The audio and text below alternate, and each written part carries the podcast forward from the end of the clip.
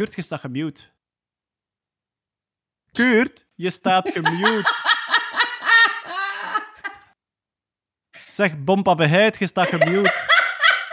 Ja, mannetjes, in mijn tijd was het toch anders, hè? Dit is een podcast op wetenschap gericht. Wij zijn zelden van onwaarheden beticht.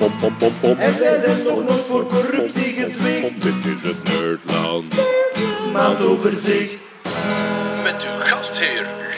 Scheire. Oh yeah. Een goede dag iedereen, welkom bij alweer een nieuw Nerdland maandoverzicht. Dit is de aflevering juni 2021. Wij zitten hier samen op 24 mei voor de opnames. Bij mij zitten Bart van Peer, Goeiedag zeg. Els Erts, Hallo. die het van tussen de verhuisdozen aan het mixen is. Onze deelneming met eh, de verhuis. Dank u, dank u. Het is verschrikkelijk. Het is zo verschrikkelijk als dat je denkt en nog een beetje. We zouden komen, komen helpen, maar ja, corona. Hè. Het Van, gaat ja, niet. Het gaat niet, hè. Ja, kijk, voilà. Jeroen Baert is erbij. Hallo. Kurt Beheid. Goedemiddag. Peter Berks. Hey. En Stefanie de Henne. Hallo. Voilà, we gaan weer over het wetenschapsnieuws van de voorbije maand. En eh, ja, misschien toch een unicum voor de wetenschap in ons Belgenland. Er zit zowaar een wetenschapper in een safehouse met militaire bewaking. En eh, een handvol andere virologen krijgen politiebewaking. Ehm, dit eh, komt online op eh, 3 juni en we hopen van ganser harte dat alles dan een beetje gaat liggen is. Maar eh, ik vind het een gekke situatie. voor onze Nederlandse vrienden, er is een militair die, eh, Mark van Ranst, bij onze grote viroloog, die werd bedreigd door een militair die dan op typisch Belgische stijl al op een lijst met verdachte mensen stond, maar dan de sleutels tot het wapendepot gekregen heeft, want België is België. En die man is nu eh, zoek, samen met een hele hoop eh, wapentuig. En daarom moet Mark, Mark van Ranst nu, spijtig genoeg, eh, ja, ondergedoken leven. Ja, ja, dus eh, ehm, ik hoop dat dat allemaal bij, bij deze hele gekke episode uit onze vaderlandse geschiedenis blijft. Maar het is dus effectief wetenschappers die eh, militaire bewaking krijgen voor het uitoefenen van hun job. Daar zijn we nu eventjes beland. En gelukkig gaat het hem nu nog maar over één rogue-element, die helaas wel eh, veel sympathie krijgt, wat dan ook weer mind-boggling is. Maar ja, het is toch een beetje het, is toch een beetje het systeem. Er gebeurt iets wat ik niet leuk vind. Dit moet iemand zijn schuld zijn. Deze meneer praat daarover, die moet nu dood. Dat is een beetje de redenering, eh, heb ik de indruk. Maar ja, goed. Bon, kijk, eh, we hopen dat het allemaal overwaait en dat er terug een beetje common sense in de wereld komt. Ja, daarbij gezegd, waar mensen zich nu massaal het hoofd over breken, is ehm, communicatiewetenschappen is ook een wetenschap. En dus eh, valt dat te vermijden? Hoe moet je praten met die mensen? Hoe kun je daar een dialoog mee aangaan? Eh, Het is niet voor ons. Wat ik, wat ik vooral een beetje opvallend vind, of, of ja, misschien een beetje jammer vind, is dat wetenschappers zijn al, al heel lang, eh, wordt al heel lang verweten dat ze niet goed genoeg communiceren. En dat ze vanuit een soort ivoren toren werken, dat, dat, dat er niet goed wordt uitgelegd waar dat ze juist mee bezig zijn. En dan heb je iemand die daar eigenlijk ja, heel hard zijn best voor doet. En het is net daarop waar dat ze, hem- er dan ook steunbetuigingen zijn van, eh, van mensen van ja, maar ja, we zien hem te veel en hij ligt, allee, ja, Bon, kijk, het is eh, eh, intussen geëscaleerd tot eh, een, een, een gek met twee raketlanceerders. En we hopen En, dat die... en een goede reclamecampagne voor het Nationaal Park Hogekempen. Oké, volgende onderwerpje. Ja, toch corona-gerelateerd. Wat blijkt? Bijen kunnen COVID-19 ruiken. Peter, Natuurlijk. Dat- kunnen alles ruiken. hè. is dat omdat, wij, eh, omdat je, als je eh, corona hebt, dat je een beetje stuifmeel produceert of zo? Of, eh, Nee, maar corona blijkt toch wel een aantal veranderingen in je lichaam teweeg te brengen die een bepaalde geur met zich meebrengen. En ja, goed, ik denk dat ik het er al eens over gehad heb, dat ze bijen kunnen, kunnen trainen om drugs en explosieven en dergelijke op te sporen. En toen heb ik ook al eens gezegd, eh, longkankers en, eh, en tuberculose konden ze ook al doen. Ja, waarom dan ook niet COVID-19, hè? Jij dus- stinkt naar corona, maar jij stinkt Ja, echt naar stinkt dat corona. corona, ja. dat hadden meestal na een goedkope vijf kon het een beetje stinken naar corona. wel. Ja, voilà. Zeg, maar dus eh, we wisten inderdaad, we wisten dat corona, dat, dat COVID-19 dan de, de aandoening dat die de geur, eh, dat die een specifieke geur verspreiden, was al bewezen door honden enzovoort. We Ja, weten dat bijen heel veel verschillende dingen kunnen ruiken. Alleen eh, zuiver biochemisch, hè. Een hond heeft, ja, wat is dat, 10, 15 centimeter geurreceptoren in die neusholte. Dus die heeft heel veel plaats om heel veel verschillende moleculaire vormen te kunnen detecteren en onderscheiden van elkaar. En die bijen die moeten het doen met die antennetjes, is dat dan, denk ik? Met veel ja. minder plek. Ja. Hoe, kan, hoe kan het dan dat die met zoveel kleiner toch zo gevoelig kunnen zijn? En zoveel Maar daar verschillende zitten, dingen er, daar, zitten er zo, daar zitten er sowieso al een heel pak op die antennes. Hè. Je mocht dat niet onderschatten. Dat zijn hele kleine receptoren. Daar zitten er bijzonder veel op die antennes. Verschillende soorten En- dan. Verschillen, ja, ja, het zijn verschillende soorten. En, en ja, goed, het, het is ook, denk ik, eh, net als bij de honden, ook dat er combinaties worden gemaakt. Hè? Dus verschillende moleculen maken verschillende combinaties in verschillende receptoren, die dan worden verwerkt in dat brein tot een geur. Dat is bij ons ook zo. Hè? Dus het is niet zo dat elke geurmolecule één receptor moet hebben. Je Ja. kunt elke geurmolecule zal verschillende receptoren op een verschillende manier stimuleren en dat patroon is uniek en dat is het belangrijkste. Maar dat is bij ons ook zo. Als je nu bijvoorbeeld, ik zeg maar iets, aardbeiengeur. Er is niet iets dat aardbeiengeur, dat is ook een combinatie van verschillende moleculen, die allemaal in verschillende receptoren in ons reukorgaan worden gedetecteerd. En het, is, het zijn uw hersenen die die combinatie dan maken tot, ah ja, oké, aardbei. Zijn er, zijn er nu toepassingen in zicht voor die bijen of was het voornamelijk een proof of concept? Nee, nee, want dat is blijkbaar een start-up. Die wordt gesteund door de Universiteit van Wageningen. Die start-up die heet Insect Sense. En het, het doet mij heel erg denken aan Insentinel. Dat zijn die Britten die een aantal jaren terug met dat concept zijn afgekomen van die, die bijkjes die je in zo'n soort kruimeldief kunt steken om dan eh, daarmee, om daar explosieven of drugs mee op te sporen. Dus zij doen blijkbaar, eh, die mannen zijn in 2015 gestopt, die Britten. En blijkbaar is er nu een Nederlandse start-up die eigenlijk met exact hetzelfde concept begonnen zijn. En die hebben nu dus ondersteuning gekregen van eh, Wageningen, van de afdeling entomologie. Ja, die zullen dan wel voor de bijen zorgen, zal ik, zal ik zeggen, of, of daar eh, wat wetenschappelijke ondersteuning en blijkbaar dan ook nog de Universiteit Paul Sabatier in Toulouse, die zitten ook mee in dat project. Maar het is, het is eigenlijk exact dezelfde techniek. Hè? Dus je laat die bijen een geur ruiken en je geeft hen suikerwater, je krijgt een Pavloviaanse reactie. Je doet dat twee, drie keren en die bijen zijn getraind. Zo snel, ja? Twee, drie keer? Ja, ja, ja, ja. Je kunt het, ik denk dat het eh, drie keren, of drie, misschien maximum vier keer. En dat is een half uur, maximum een uur werk. Terwijl als je een hond moet trainen, dan zit je een half jaar bezig. Ik ben eigenlijk heel benieuwd, als we kijken over 10, 15 jaar, welke ehm, geurkampioen het gehaald heeft. Zal het de hond zijn, zal het de bij zijn, of zal het de elektronische neus zijn, hè, die ook in Ja, dat weet ik niet. Ja, trouwens, diezelfde mensen zijn ook met zo'n elektronische neus bezig. Hè? Die zijn bezig met een chip die eh, een soort analoog concept met eh, die geursensoren van insecten daarop gebouwd. En dan met artificiële intelligentie, dus dat, dat systeem willen trainen om geuren te detecteren. Ze willen dus biologische receptoren op een elektronische chip. Ja, of elektronisch die, die sensoren nabootsen, dat, dat was me niet helemaal duidelijk. Die elektronische versie wordt ook gewoon bijen in een doosje, hoor. Daarom dat ze daar zo vaag over zijn. Ja. Zeg, dat zoomt zo? Ja, ja, ja, dat is een schakeling. Dat is oké. Veel koeling, Dat is, veel koeling. dat is een transfer die, die zo zoomt. Ja, En om de 21 dagen moeten daar nieuwe batterijtjes in steken. ja voilà. Ja, hoe lang leeft zo'n bij trouwens, Peter, als je die getraind hebt? Eh, drie we zes weken, hè. Ah ja, oké. Drie weken, drie weken in de kast, drie weken buiten. Maar eh, je kunt ze, dacht ik, drie dagen in zo'n apparaatje houden en dan kun je die terug loslaten. Want die moeten dan even terug, terug de kast in. Hè. Ah, oké, ja, ja, ja. Ja, die bijen, dat zijn sociale insecten, die kunnen niet zonder elkaar, dus die, moeten, die kunnen maar een paar dagen daar zonder, dan moeten die terug. Hè. Je kunt, Zo'n bij gaat gewoon dood, hè. dood van eenzaamheid. je kunt niet zonder de anderen, hè. Het is... eh, Nee, waar. ja, Bij dat is, thuis en ieder van, hoe was het op het werk? Ja, ik heb geen hele dag aan zwetende mensen moeten. Praat er niet ik voelde mij zo eenzaam. Ja. Weten we trouwens waarom dat ziektes zulke specifieke geuren veroorzaken? Zijn dat onze zweetklieren of is dat iets Ik heb anders? geen idee. Zou dat toch een of andere evolutionair eh, restant zijn, waarmee dat je op, of waarmee dat we vroeger aan elkaar signaleerden dat er iets aan de hand was? Ik weet Ik het zou, niet. Ik zou denken, aangezien dat die geuren zo specifiek zijn, ik zou denken dat het gewoon een resultaat is van wat er gebeurt. Ja, maar er gebeuren bij- heel specifieke bijproductje. processen, dus er komen andere vluchtige stoffen vrij. Enfin, ja, we gaan het moeten... Ja, en je eh, ademt dat uit of je zweet dat uit. Hè. Dus, Ja, ja. voilà. Ja.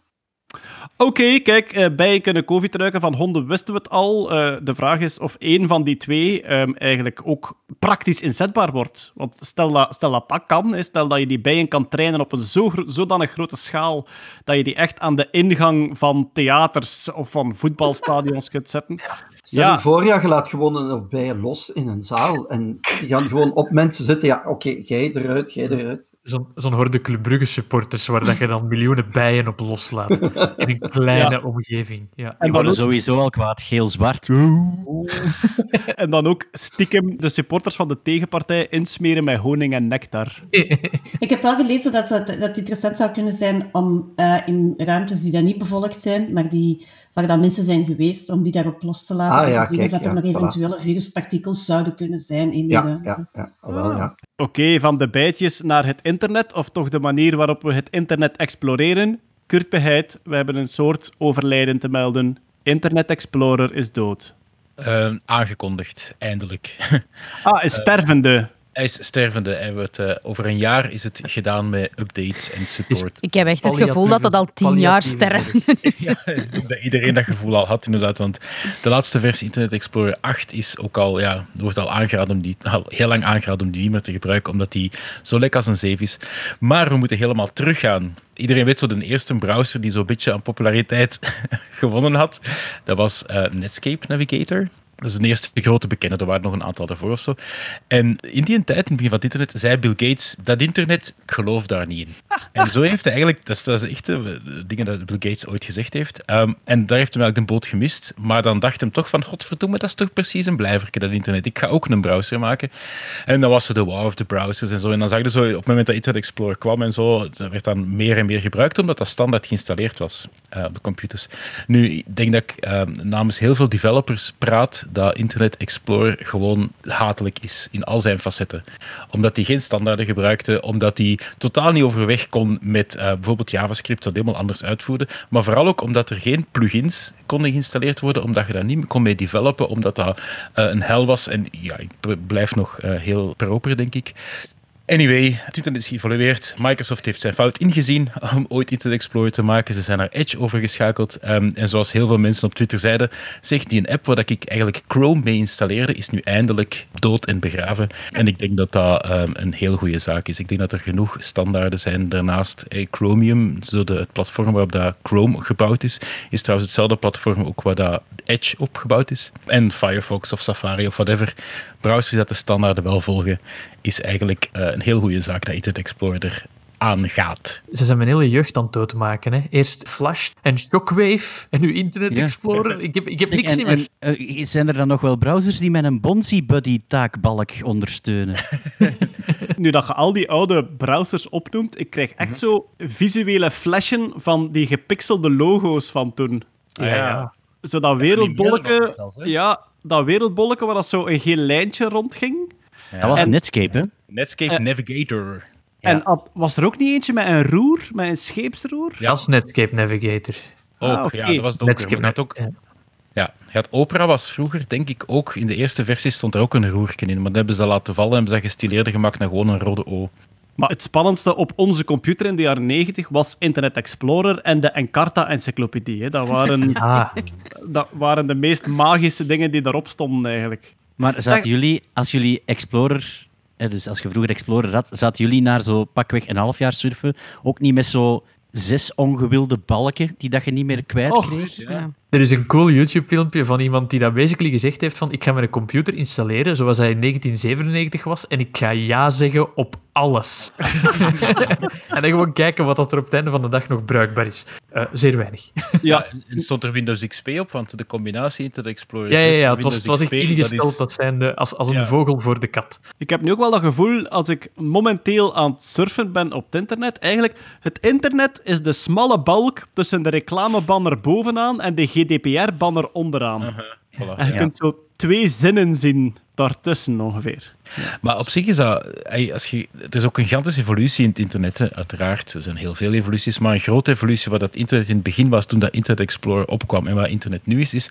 Vroeger had je gewoon HTML en daar was CSS bij en af en toe een beetje JavaScript. HTML is dan de code waarin Ja. dat de pagina geschreven wordt. En als je wil zien hoe een HTML-pagina eruit ziet, dan moet je gewoon eigenlijk surfen naar de webpagina van gelijk welke natuurkunde- of wiskundefaculteit van een universiteit. Die zijn allemaal nog in HTML. Voilà, en HTML is, is de, de, de markup language eigenlijk van het internet, waarbij dat je zegt van hier komt een tekening, deze tekst die moet groter, want dat is een H1, dit is een paragraaf en hier komt een en zo verder. Eh, als je Ctrl-U of Command-U duwt in je browser, dan kun je de broncode van je pagina bekijken. Dat is één. Zo is het nog altijd nu. Alleen nu is daar een shitload aan extra scripts die meegeladen worden. Want eigenlijk uw HTML die wordt naar uw browser gestuurd en dan gaat uw browser kijken, oké, wat heb ik nog nodig van deze pagina? Ah, hier wordt een JavaScript-file geïncludeerd, hier wordt een tekening. Ik ga die ook allemaal binnenhalen. En dan krijg je eigenlijk hoe dat in- internet tegenwoordig veel meer webpagina's opgebouwd zijn. En zo principes gelijk lazy loading bijvoorbeeld, is dat een pagina, uw HTML, eigenlijk heel weinig is. En vanaf dat uw HTML geladen is in uw browser, beginnen die scripts uitgevoerd te worden en worden er opnieuw stukken content, extra tekeningen en zo allemaal binnengehaald. Je merkt dat bijvoorbeeld ehm, op Facebook of op VRT Nieuws, als je, een pa- als je die pagina de eerste keer laat, dan zie je zo grijze cirkeltjes nog draaien en dan worden er in de achtergrond worden extra stukken binnengehaald. En het is dat soort responsive, eh, reactive sorry, websites dat ervoor zorgt dat eh, dit Explorer komt daar niet mee om en heel het platform daarvan, eigenlijk het, het uitvoeren van JavaScript in Internet Explorer was een gigantische hel en tegenwoordig is er geen enkel webpagina niet meer waar dat geen JavaScript op gebruikt wordt. Dus eigenlijk zit het goed dat je, dat je die dood en dat je eigenlijk naar betere browsers nu ook gaat. Wat je heel, allee, heel vaak ziet tegenwoordig zijn applicaties die extern ontwikkeld zijn en die zeggen wij draaien enkel op Chrome bijvoorbeeld. Waarom is dat? Hebben die gewoon veel meer poorten op of veel meer tools mogelijk gemaakt om, om daar iets voor te schrijven? Dat is omdat dat luie developers zijn. Oké. Maar het Of is, het wel, budget was op.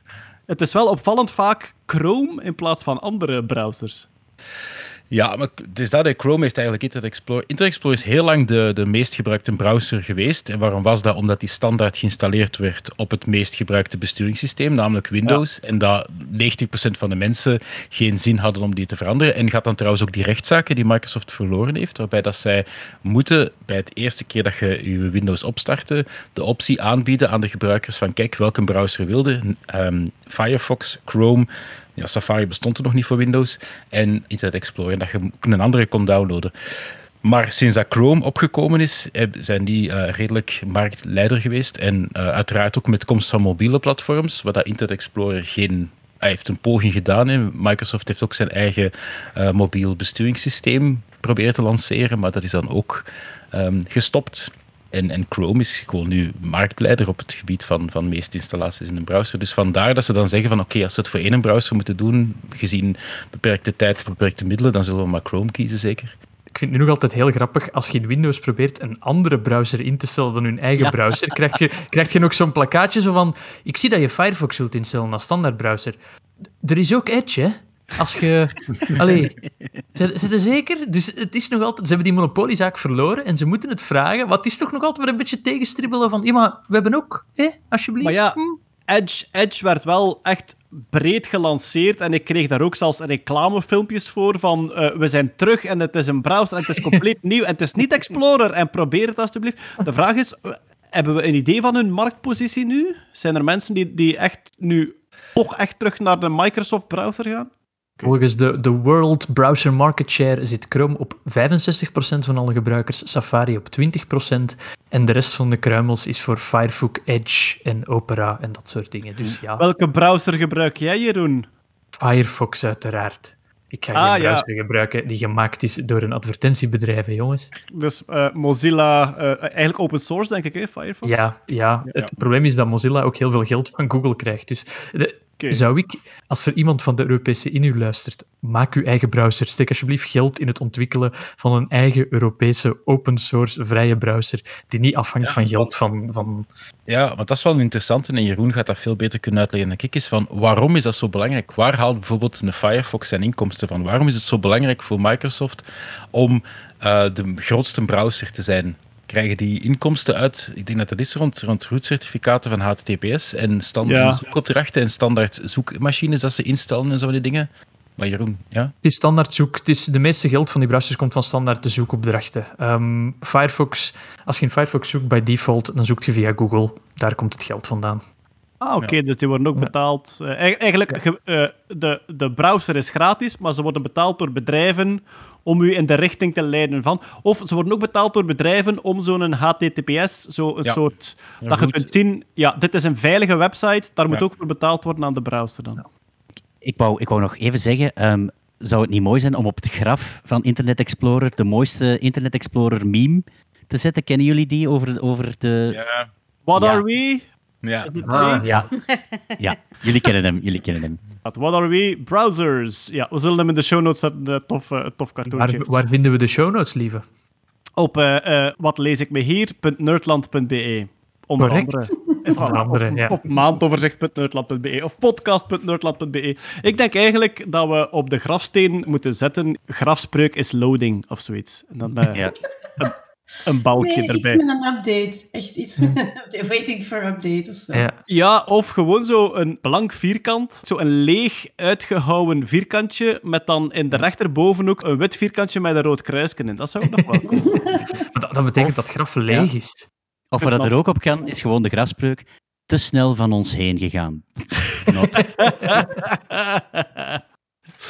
Ja, daarnet ging het over Flash. ehm, en dat doet mij eigenlijk denken aan eh, iets wat eigenlijk ook de voorbije maand gebeurd is. Ik weet niet of iemand van jullie Bart Bonte kent. Eh, ja, Een, ja. een Vlaamse game designer. Die vroeger heel populair was met spelletjes die hij gemaakt had in Flash. Er is een tijd op het internet de Flash games die je in je browser kon spelen tijdens de lessen informatica, waar je toch Ja. al alles van wist, of dat soort dingen. En Bart Bonte was een Belg die heel veel populaire Flash games gemaakt heeft, maar nu wordt Flash, de technologie waarin die ontwikkeld worden, wordt uitgefaseerd, eh, is dood. Ja. En die heeft zijn eigen spelletjes nu opnieuw geprogrammeerd en aangeboden eh, in een modernere taal. Inderdaad, en ze, zijn, ze staan op Steam. Ik zeg het er gewoon even bij. Het, eh, ik, er zijn een paar Bart Bonte games waar ik redelijk aangehangen heb. Eh, Factory Balls is een app. Hij heeft er veel in app ook. Hè. Hij heeft zo eh, pink, yellow, blue. hij heeft zo al, alle kleuren heeft hij puzzelgames van gemaakt. En Factory Balls vond ik heel tof. Hij heeft de voorbije maand al zijn Flash games van toen, hè, onder de titel Flash is Dead, heeft hij al zijn Flash games ehm, geherprogrammeerd en op Steam gezet. Ja, Dus, voor eh, 8,19 euro. Geen voilà, sponsor. Voor 8,19 euro geen sponsor, we zeggen het erbij. Het is uit sympathie voor een eh, eh, Vlaamse gameontwikkelaar. En vooral zo die eenmansprojectjes. Ik vind dat iets geweldig romantisch hebben in de gamewereld van de grote instituten. Dat je gewoon thuis aan het programmeren bent en met een clever ideetje of met een toffe game design helemaal alleen eigenlijk je dingetje kunt. Wij, wij zijn ook gecontacteerd, Lieven en ik, door een game developer, een Belg, die samen met een paar andere mensen een spel gemaakt heeft waarin de clue is, jij bent iemand die eekhoorns in de gaten houdt. Je kan camera's Ja. neerzetten in het bos, je houdt de eekhoorns in de gaten, maar de eekhoorns, zij plannen iets, iets mysterieus. Kan je het mysterie ontrafelen? Ik heb het al even gespeeld en gewoon de game loop van rondlopen in een bos en camera's neerzetten om naar eekhoorns te kijken, vind ik heerlijk. Ja, Dat het spel heet. Nuts. Het spel heet Nuts, het is een, een Vlaamse indie-gameontwikkelaar die nu in IJsland woont. En Ja. Kurt, we zijn hem ooit tegengekomen op die eh, artsy indie gamingbeurs die wij in Antwerpen een keer Ja, hebben. wacht, weet je nu weer. Die, Ik weet die, zal nu, die gaat niet meer door de laatste tijd. Hè. Ja, ik weet het ook niet meer, maar we zijn er langs geweest. Het was, een, wel, het was wel een tof ding. Dat was zo, aan de ja, konijnenpijp daar, hè, in het bos in Antwerpen. ja, inderdaad. Eventjes lieven vanuit de montage. Het Indie Game Festival waar Kurt en ik eh, naartoe geweest waren heette Screen Shake. Georganiseerd door The House of Indie, dat helaas niet meer bestaat. Wel nog te vinden op thehouseofindie.com. En de programmeur van het spelletje Nuts heet Jonathan van Hoven, te vinden op joon.be. Goed, maar kijk bij deze, omdat Flash vermeld werd en omdat de voorbije maand alles op Steam gekomen is, toch een shout-out naar eh, Bart Bonte. Geen sponsor. Geen sponsor. Oké, wat hebben we nog staan? Ja, het was een beetje cyberfraude themamaand in België. De voorbije maand. Eh, laat ons beginnen met een DDoS-attack op de Belgische overheid, Jeroen. Wat was in godsnaam het motief? Een DDoS-attack is met z'n allen naar één website surfen, zodat die website onbereikbaar is en op zijn knieën gaat of gewoon overvalt.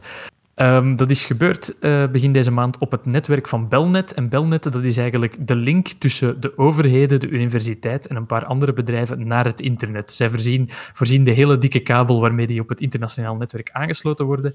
Die zijn aangevallen en Belnet heeft dat eigenlijk vrij snel gesignaleerd en bekeken, maar die zijn toch een goede halve dag weg geweest. En dat was denk ik een van de grootste DDoS-aanvallen in België ooit. Dat was vrij ongezien. We gaan misschien nog de typische DDoS-attack, dus Distributed Denial of Service, we gaan nog eens de typische metafoor bovenhalen. Stel, je hebt een fysieke winkel. Het staat iedereen vrij om uiteraard door de voordeur uw winkel binnen te wandelen. Net zoals een website, iedereen kan dat gewoon bezoeken. Hoe kun je een website blokkeren? Door met immens veel tegelijk op die website zijn deur te gaan kloppen en te vragen: mag ik binnen alstublieft? Net zoals dat er voor uw winkel opeens een gigantische menigte staat, waardoor uw echte klanten niet meer binnen geraakt. En wat daar vaak voor gebruikt wordt, zijn botnets. Je hebt veel mensen die zeggen: Goh, ik moet mijn computer niet echt beveiligen, want ik heb niks te verbergen. Ja, het gaat om veel meer dan dat. Heel veel computers wereldwijd zijn geïnfecteerd met software zonder dat de eigenaar het weet. En die software wordt gebruikt om bij dat soort DDoS-aanvallen vanuit uw computer eigenlijk een verzoek te sturen naar die website. En als je er zo tienduizenden onder je controle hebt, computers, dan kunt je dus vanuit uw eigen woonkamer zo een DDoS-attack sturen naar gelijk welk IP-adres dat je wil. Ik denk zelfs, Jeroen, dat je DDoS-aanvallen gewoon online kunt bestellen. Hè? Dat je van die... Kunt kopen, ja. Er zijn, ja, er zijn services services. hebt. Ja, absoluut. Voor een paar bitcoin. Allee, nee, nu geen paar bitcoin meer, maar een paar honderdsten van bitcoin waarschijnlijk. Dat, sluit, dat botnet sluit trouwens meteen aan bij het volgende onderwerp. Iedereen heeft eh, die sms'jes gekregen, zogezegd van Bpost, van er, er wacht een pakje op je. Klik op deze link om te bevestigen. Die sms'en deze maand werden massaal verstuurd, waarschijnlijk door geïnfecteerde Android-telefoons. Want wat blijkt, die nummers van waar dat, dat kwamen, van waar die sms kwam, waren van mensen die er zich totaal niet van bewust waren dat ze net hun hele adresboek hadden gestuurd. Bpost, er wacht een pakje op je. Dus had inderdaad, ik weet niet of het in Nederland ook was, maar in België kregen heel veel telefoons en sms dat je zo gezegd een pakketje ging ontvangen. Maar je zag dan, ja, dat, dat is een beetje mijn standaardreflex. Wat is de URL waarnaar verwezen wordt? En dat was, de eerste sms die ik kreeg was het distributiecentrum.be. distributiecentrum.be. Dus oké, slim geprobeerd. Maar als je daarop klikt, ja, dan moest je een soort app downloaden. In Apple worden alle apps heel erg afgeschermd tot de eigen App Store. Heeft zijn nadelen, maar ook zijn voordelen. Bij Android is er veel meer ruimte voor vrije ontwikkelaars enzovoort. Het gevolg is dan wel, Jeroen, dat je in dit geval eigenlijk een ontwikkelaar hebt die u een virus kan laten downloaden als app op uw telefoon. En als ik me niet vergis, was het ook nog een redelijk clever virus dat redelijk diep in het systeem Ja, geraakte. de enige manier om ervan af te raken was om je telefoon volledig te resetten. Eh, nog een grappig ding, want jij zegt, kijk inderdaad naar de URL. Ik heb een heel goed gemaakte URL gezien, die bpost.be was. Maar wat is de truc tegenwoordig? Homografen gebruiken. Ik heb dat moeten nakijken. Die O van bpost was een lichtjes Cyrillische O. Zo'n O Ja. waar dat je heel lang naar moet kijken om te zeggen van, god van ja, die is toch iets dunner dan normaal. En zo van die URL's worden ook gebruikt tegenwoordig. Met een, er is zo'n site, de homograafgenerator, waar dat je naartoe kunt surfen en dan kun je ja, jeroenbaart.be maken, maar alle letters in een URL zijn zo een J uit het Grieks Ja. super subset schrift. Dat is, dat is de nieuwe Hmm. manier om, er, eh, om ermee om te gaan. Ja, Dus- ik had er ook zo eentje met zo'n eh, met zo'n homograaf. Dus de B bij mij was, een, was de Duitse dubbele S, eh, u wel bekend. Maar ik Ja. dacht, SS-post, dat ga ik niet open doen. Ik moet nu wel zeggen, dat soort, dat soort phishing-dingen, die worden toch in een soort angstwekkend tempo cleverder. Vroeger moest je eigenlijk al een beetje lump zijn om ervoor te vallen. Een tijdje later moest je eigenlijk niet alert zijn om ervoor te vallen. En nu heb ik de indruk, ja, ik heb nog het wantrouwen om altijd te gaan kijken wat is de URL. Maar voor zo'n homograaf ga ik ook wel vroeg of laat een keer vallen. Nee, ja, dat is... Het, het wordt nog altijd maar moeilijker om het, om het te slim af te zijn. Zo. Maar, maar start uw wantrouwen in principe niet als je ineens een sms krijgt van de post? Als, als de post mij zou sms'en, denk ik van ik heb nooit mijn gsm-nummer aan de post Ja, vroeg. Mhm. Ik geef, als- ik geef bij, bij elke zending die ik online bestel, internationaal, geef ik mijn gsm-nummer en ik word vaak gebeld door couriers van we vinden uw adres niet. Dus voor mij is dat niet zo raar, bijvoorbeeld. Goh, en in corona is dat ook zodanig in versnelling gekomen voor iedereen. Er zijn mensen die daar in een week op vijf à zes pakjes zitten te wachten. Ja. En dan, ja, als er dan zo'n sms binnenkomt en je bent een beetje snel... Nu, ik moet wel zeggen, als zo'n sms binnenkomt op een moment dat ik effectief iets verwacht van Bpost, dan ben ik wel op mijn hoede. Want dat is... eh, Dat klopt niet. dat, op, dat op tijd zou zijn. Ja, nee, dat, eh, daar valt niemand voor. Goed, ja, kijk, eh, DDoS-aanval op de Belgische overheid. Ja, want daar, daar waar we mee begonnen, hebben we enig idee, Jeroen, wat het motief was. Want een, een DDoS-aanval wordt soms gebruikt, bijvoorbeeld, je hebt een webwinkel, wij gaan die een dag platleggen, tenzij dat je losgeld betaalt en uw verlies zal groter zijn dan het losgeld. Maar enig idee wat bij de overheid het motief was? Nee, ehm, de, de- de IP-adressen van waar er naar de websites gesurfd werd, kwamen uit 29 landen. Dus dat is waarschijnlijk inderdaad een, een netwerk van geïnfecteerde computers van brave huisvaders en huismoeders eh, die dat niet doorhebben. Ja, er wordt gewezen richting nazistaten qua grootte. Ik denk dat er een Belgische politicus die al meteen zwaaide van dit is China. Maar om eerlijk te zijn, dit soort aanvallen kunt je kopen voor een habbekrats op het internet. Je, Nee. je wint daar toch niks mee. Want dat is Je wint er niks mee. Er, zijn, er, wordt, er wordt geen data gestolen. Maar nee, er werd ook gesproken over dat het een paar studenten zouden zijn die geen zin hadden in, in de les of zoiets en die zo'n eh, een dingen hebben Ja. gekocht. Hè? Omdat dat Of- soort of- eh, dingen daar ook op draaien. Hè? Of net die dag werd er bij ons in het parlement een resolutie gestemd over het veroordelen van de Oeigoeren in, eh, in China, de, de kampenvorming. En dan waren er mensen die daar een link legden. Ja, het heeft ook geen moeite om achter die mensen aan te gaan, want die zitten twintig stappen verder. Dat is gewoon Ja. niet, eh, niet achterhalen. Maar dat vind ik wel belangrijk. Er is een groot verschil tussen dit en een hackpoging. Hè. Dit Ja, is gewoon puur de voordeur kapot lopen met 20.000 man tegelijkertijd. En hacken is proberen om de kassa binnen te dringen. Dat is een Ja, ja. totaal verschillend aanval. Dus de, het een heeft ook niks met het ander te maken. Allee, het een Ja. zou natuurlijk een afleidingsmanoeuvre kunnen zijn voor het ander. Dat is hetgeen wat dat wel kan zijn natuurlijk. Maar, maar het is niet dat je informatie gaat stelen door een DDoS-attack te doen. Ja, wel, inderdaad. Ja. Het, is, het, is, het is een ander genre. Ehm, die DDoS-attacks het waren trouwens, denk ik, een jaar of twee geleden waren die in het nieuws, omdat Fortnite-spelers daar gebruik van maakten om hun concurrenten eruit te slaan. Ja. Dus als je nog met drie over waart, dan kon je eigenlijk gewoon het IP-adres van een van de andere spelers ingeven. En dan inderdaad, ja, je koopt dat voor, wat is dat, een paar tientallen dollars of zo. Koopt een DDoS-attack en je zegt, die zijn IP-adres. En terwijl je aan het spelen bent, wordt die eruit geslaan omdat zijn internetlijn vol zit met van die botnet-computers. Shit, zo zou ik zelfs Ja. kunnen nog winnen in, in, in Fortnite. Ja, maar de Nederlandse politie zei... We komen aan uw deur staan als we u vinden. Dus opeens kon je als gamer eh, kon de politie aan de deur hebben omdat je aan het vals spelen. Ja, goed. Alright, ik denk dat we eens naar de ruimte moeten gaan, want er is bijzonder veel gebeurd in de ruimtevaart. Eh, vooral China heeft zich laten zien, laten horen. Het begin van hun nieuwe ruimtestation is gelanceerd. Dus China wil een ruimtestation in de lucht, eh, Tiangong zal het heten. En ze willen het eigenlijk operationeel hebben tegen dat het ISS ermee stopt. Wordt dan misschien iets commercieel of stort neer op de aarde, moet allemaal nog beslist worden. En de Chinezen willen dat eigenlijk overnemen. Die willen zeggen van kijk, wij gaan dan het ruimtestation hebben, waar trouwens ook Europese astronauten welkom zijn. Er is een samenwerking al tussen ESA en China voor astronautentraining. Er zouden ook ESA-astronauten naar hun ruimtestation gaan. Maar Amerika houdt de deur volledig dicht. En dat vind ik... ik vind Ja, dat dat moet, lieven, dat moet in de ruimte. Hè? Ja. ja, dat is waar. Anders eh, alle lucht kwijt. Maar- Amerika is, ook, Amerika is ook zeer bezorgd over. Er is een, eh, denk een 10 meter lange robotische arm die aan het, eh, het ruimtestation eh, hangt. De, de titel was China Space Station's Giant Robotic Arm Sparks Concerns in the United States. En waarom? Eh, zijn ze bang dat die satellieten van hen uit de lucht gaat plukken of zo? Daar, daar zijn ze bang voor. En het, het, het ruimtestation zou ook al een paar eh, bewegingen gemaakt hebben die daar niet gepland waren volgens de Verenigde Staten. Dus het is een Da- beetje... de arm heeft een Hitlergroet gebracht. Waarschijnlijk was dat het probleem. Maar ik vind ruimtevaart wat dat betreft iets enorm intrigerend, omdat ruimtevaart is gestart vanuit internationaal nucleair spierballengerol. De reden dat die budgetten er waren in de opstart waren enkel maar om te laten zien wij kunnen een bom gooien op jullie. En dan, even later, zitten zelfs in het heetst van, zelfs in het, heetst van het conflict na de Koude Oorlog, in het heetst van de meningsverschillen tussen Rusland en Amerika, zaten die wel samen in het ISS. Samen getraind, de Amerikanen werden gelanceerd vanuit Rusland en opeens kreeg een naïeve wetenschapsenthousiasteling als ik zo het idee van zie, in de ruimte en de technologie is de enige plek waar er nog vrede is tussen de mensen. Maar nu zitten we met een situatie dat dus Rusland, Europa en Amerika werken samen in het ISS.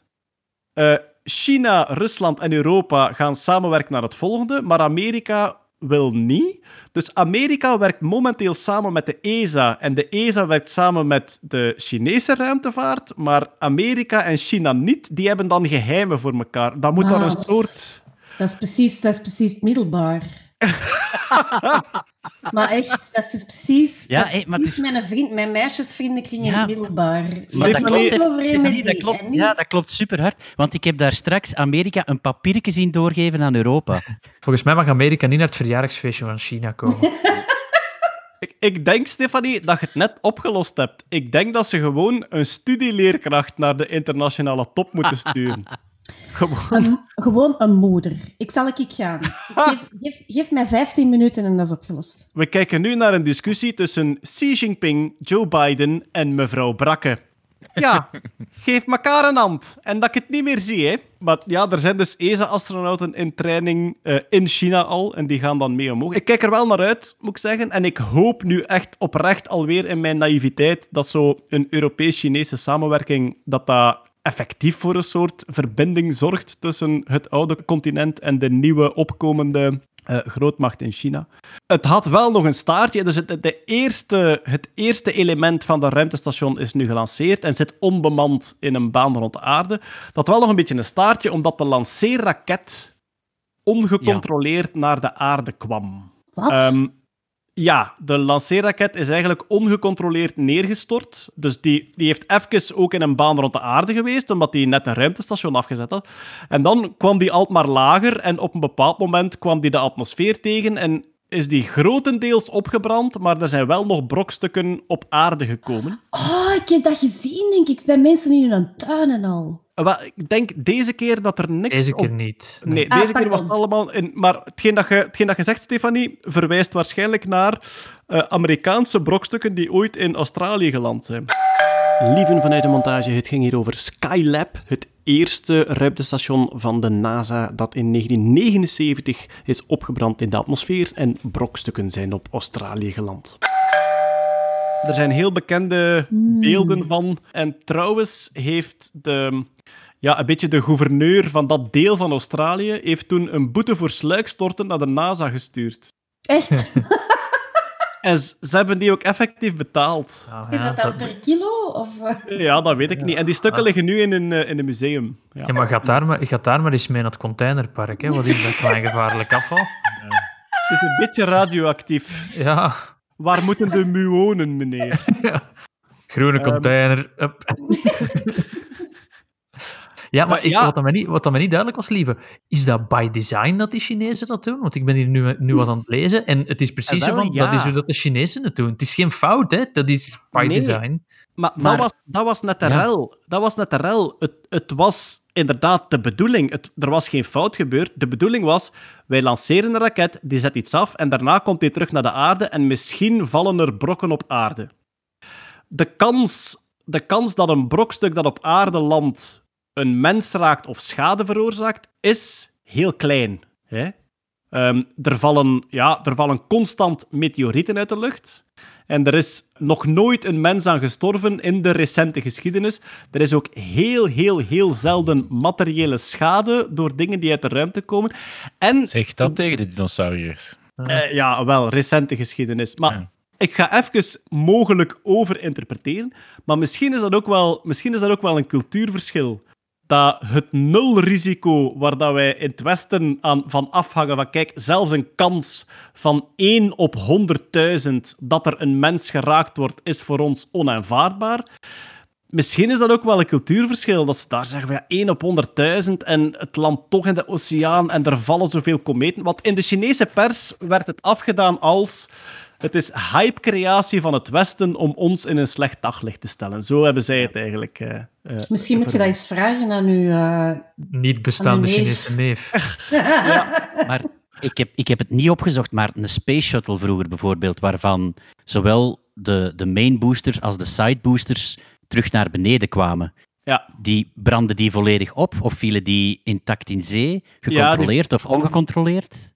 Die vielen in zee. Die, die, waren, die vielen gecontroleerd op een, eh, in een bepaald gebied in de oceaan. Ah, oké. Ja. Omdat, die ook, omdat die ook nooit in orbit waren. Hè. Die, Ah, ja. die, eh, die raket nu heeft, eh, is dagenlang in orbit geweest en is dan eigenlijk gewoon... Ja, in orbit vliegde aan 28.000 km per uur, dus als je dan een beetje de atmosfeer tegenkomt, ja, dan fikt het wel lekker op natuurlijk, ja. Ja.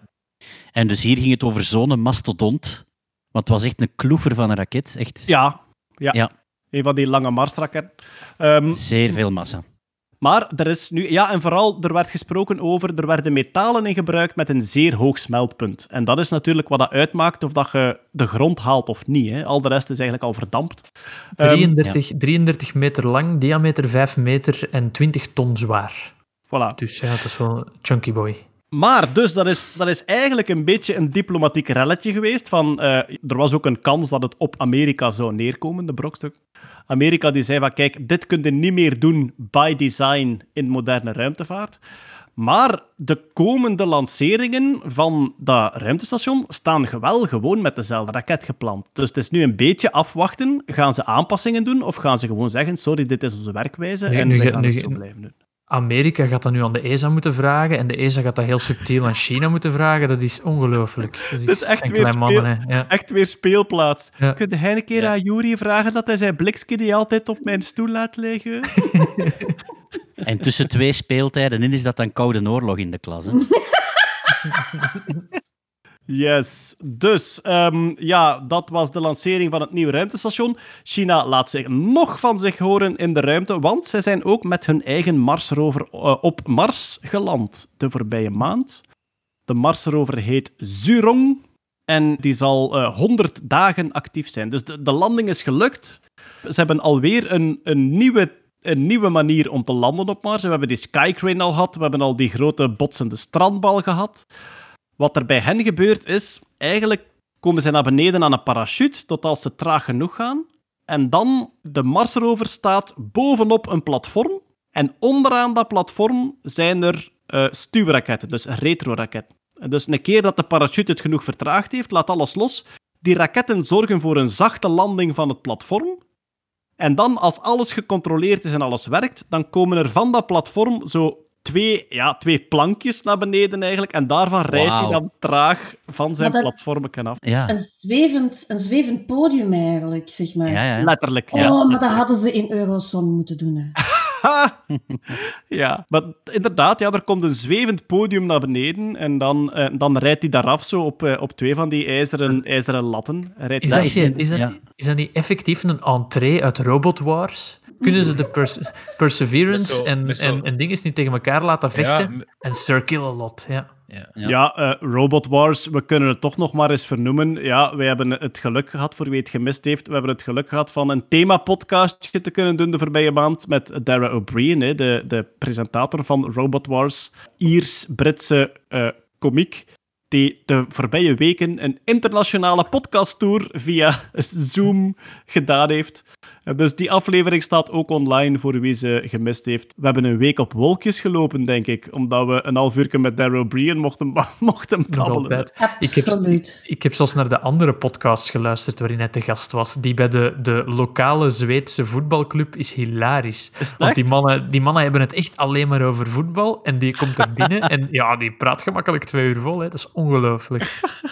Ja, voilà, wij hebben het met hem gehad over ja, eh, eh, wetenschap, technologie, zijn eigen sterrenkijk, interesse en natuurlijk de vraag of het Team Musk is of niet. Haha, daar komen we straks aan toe, maar nu nog niet.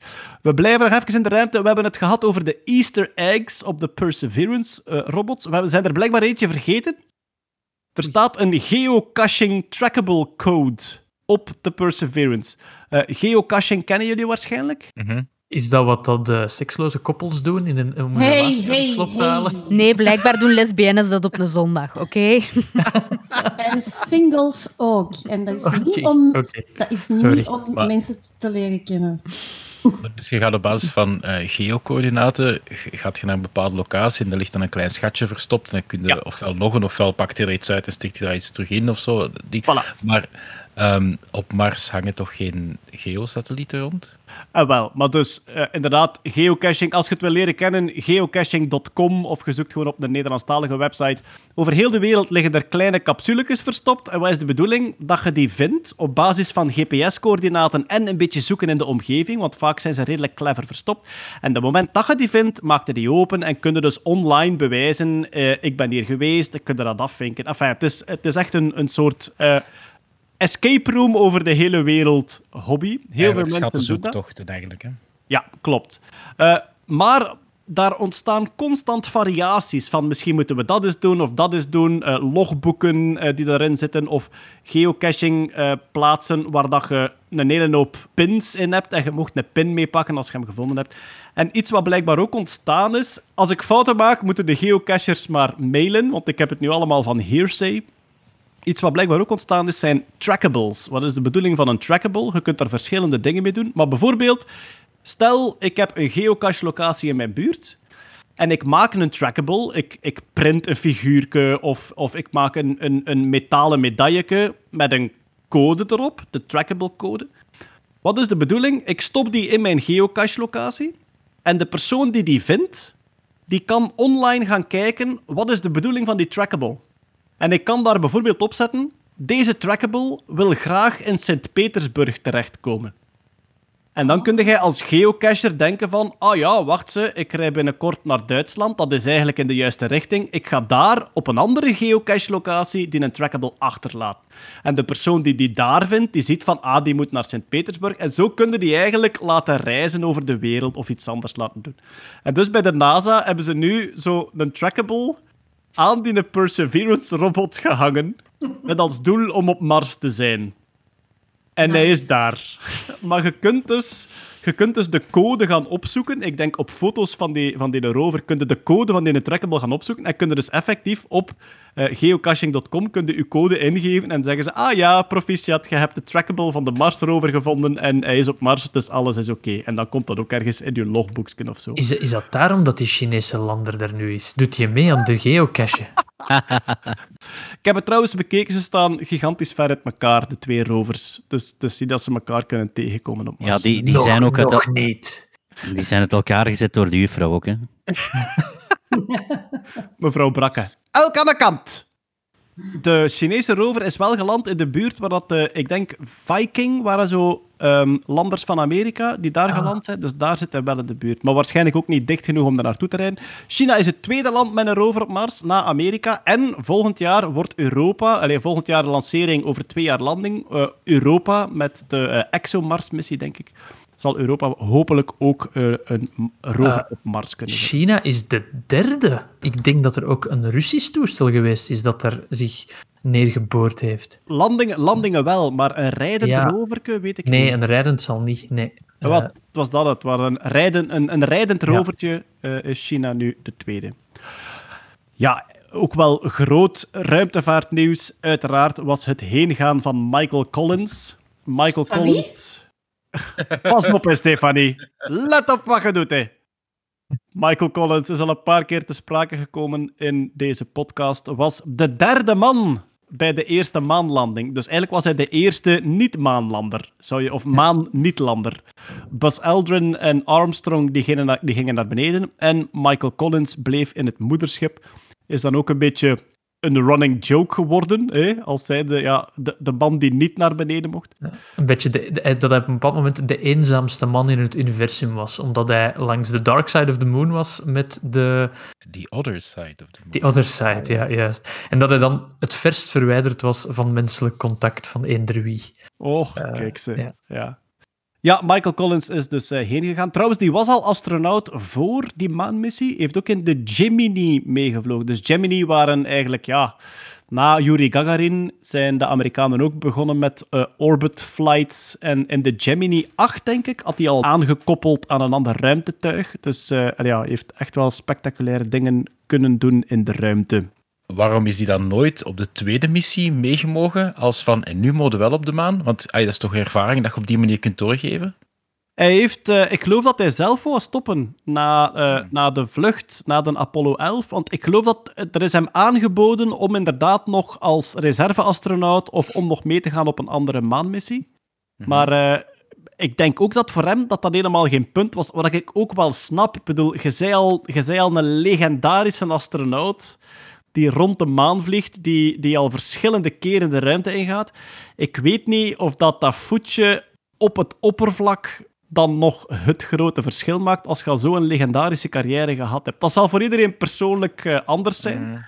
Ja, voor Aldrin en Armstrong was het wel heel belangrijk, want die hebben zo min of meer hun leven geriskeerd hè, door, door te landen op een moment dat eigenlijk dat ze niet op de juiste plek waren. Hè. Die, die een Eagle die was afgeweken van waar hij eigenlijk moest zijn.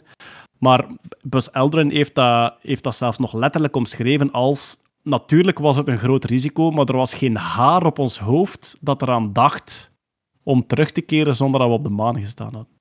Ja, nog iets bij Michael Collins. Eh, die man heeft eh, uren en uren getraind eh, om alleen terug te keren. Hè.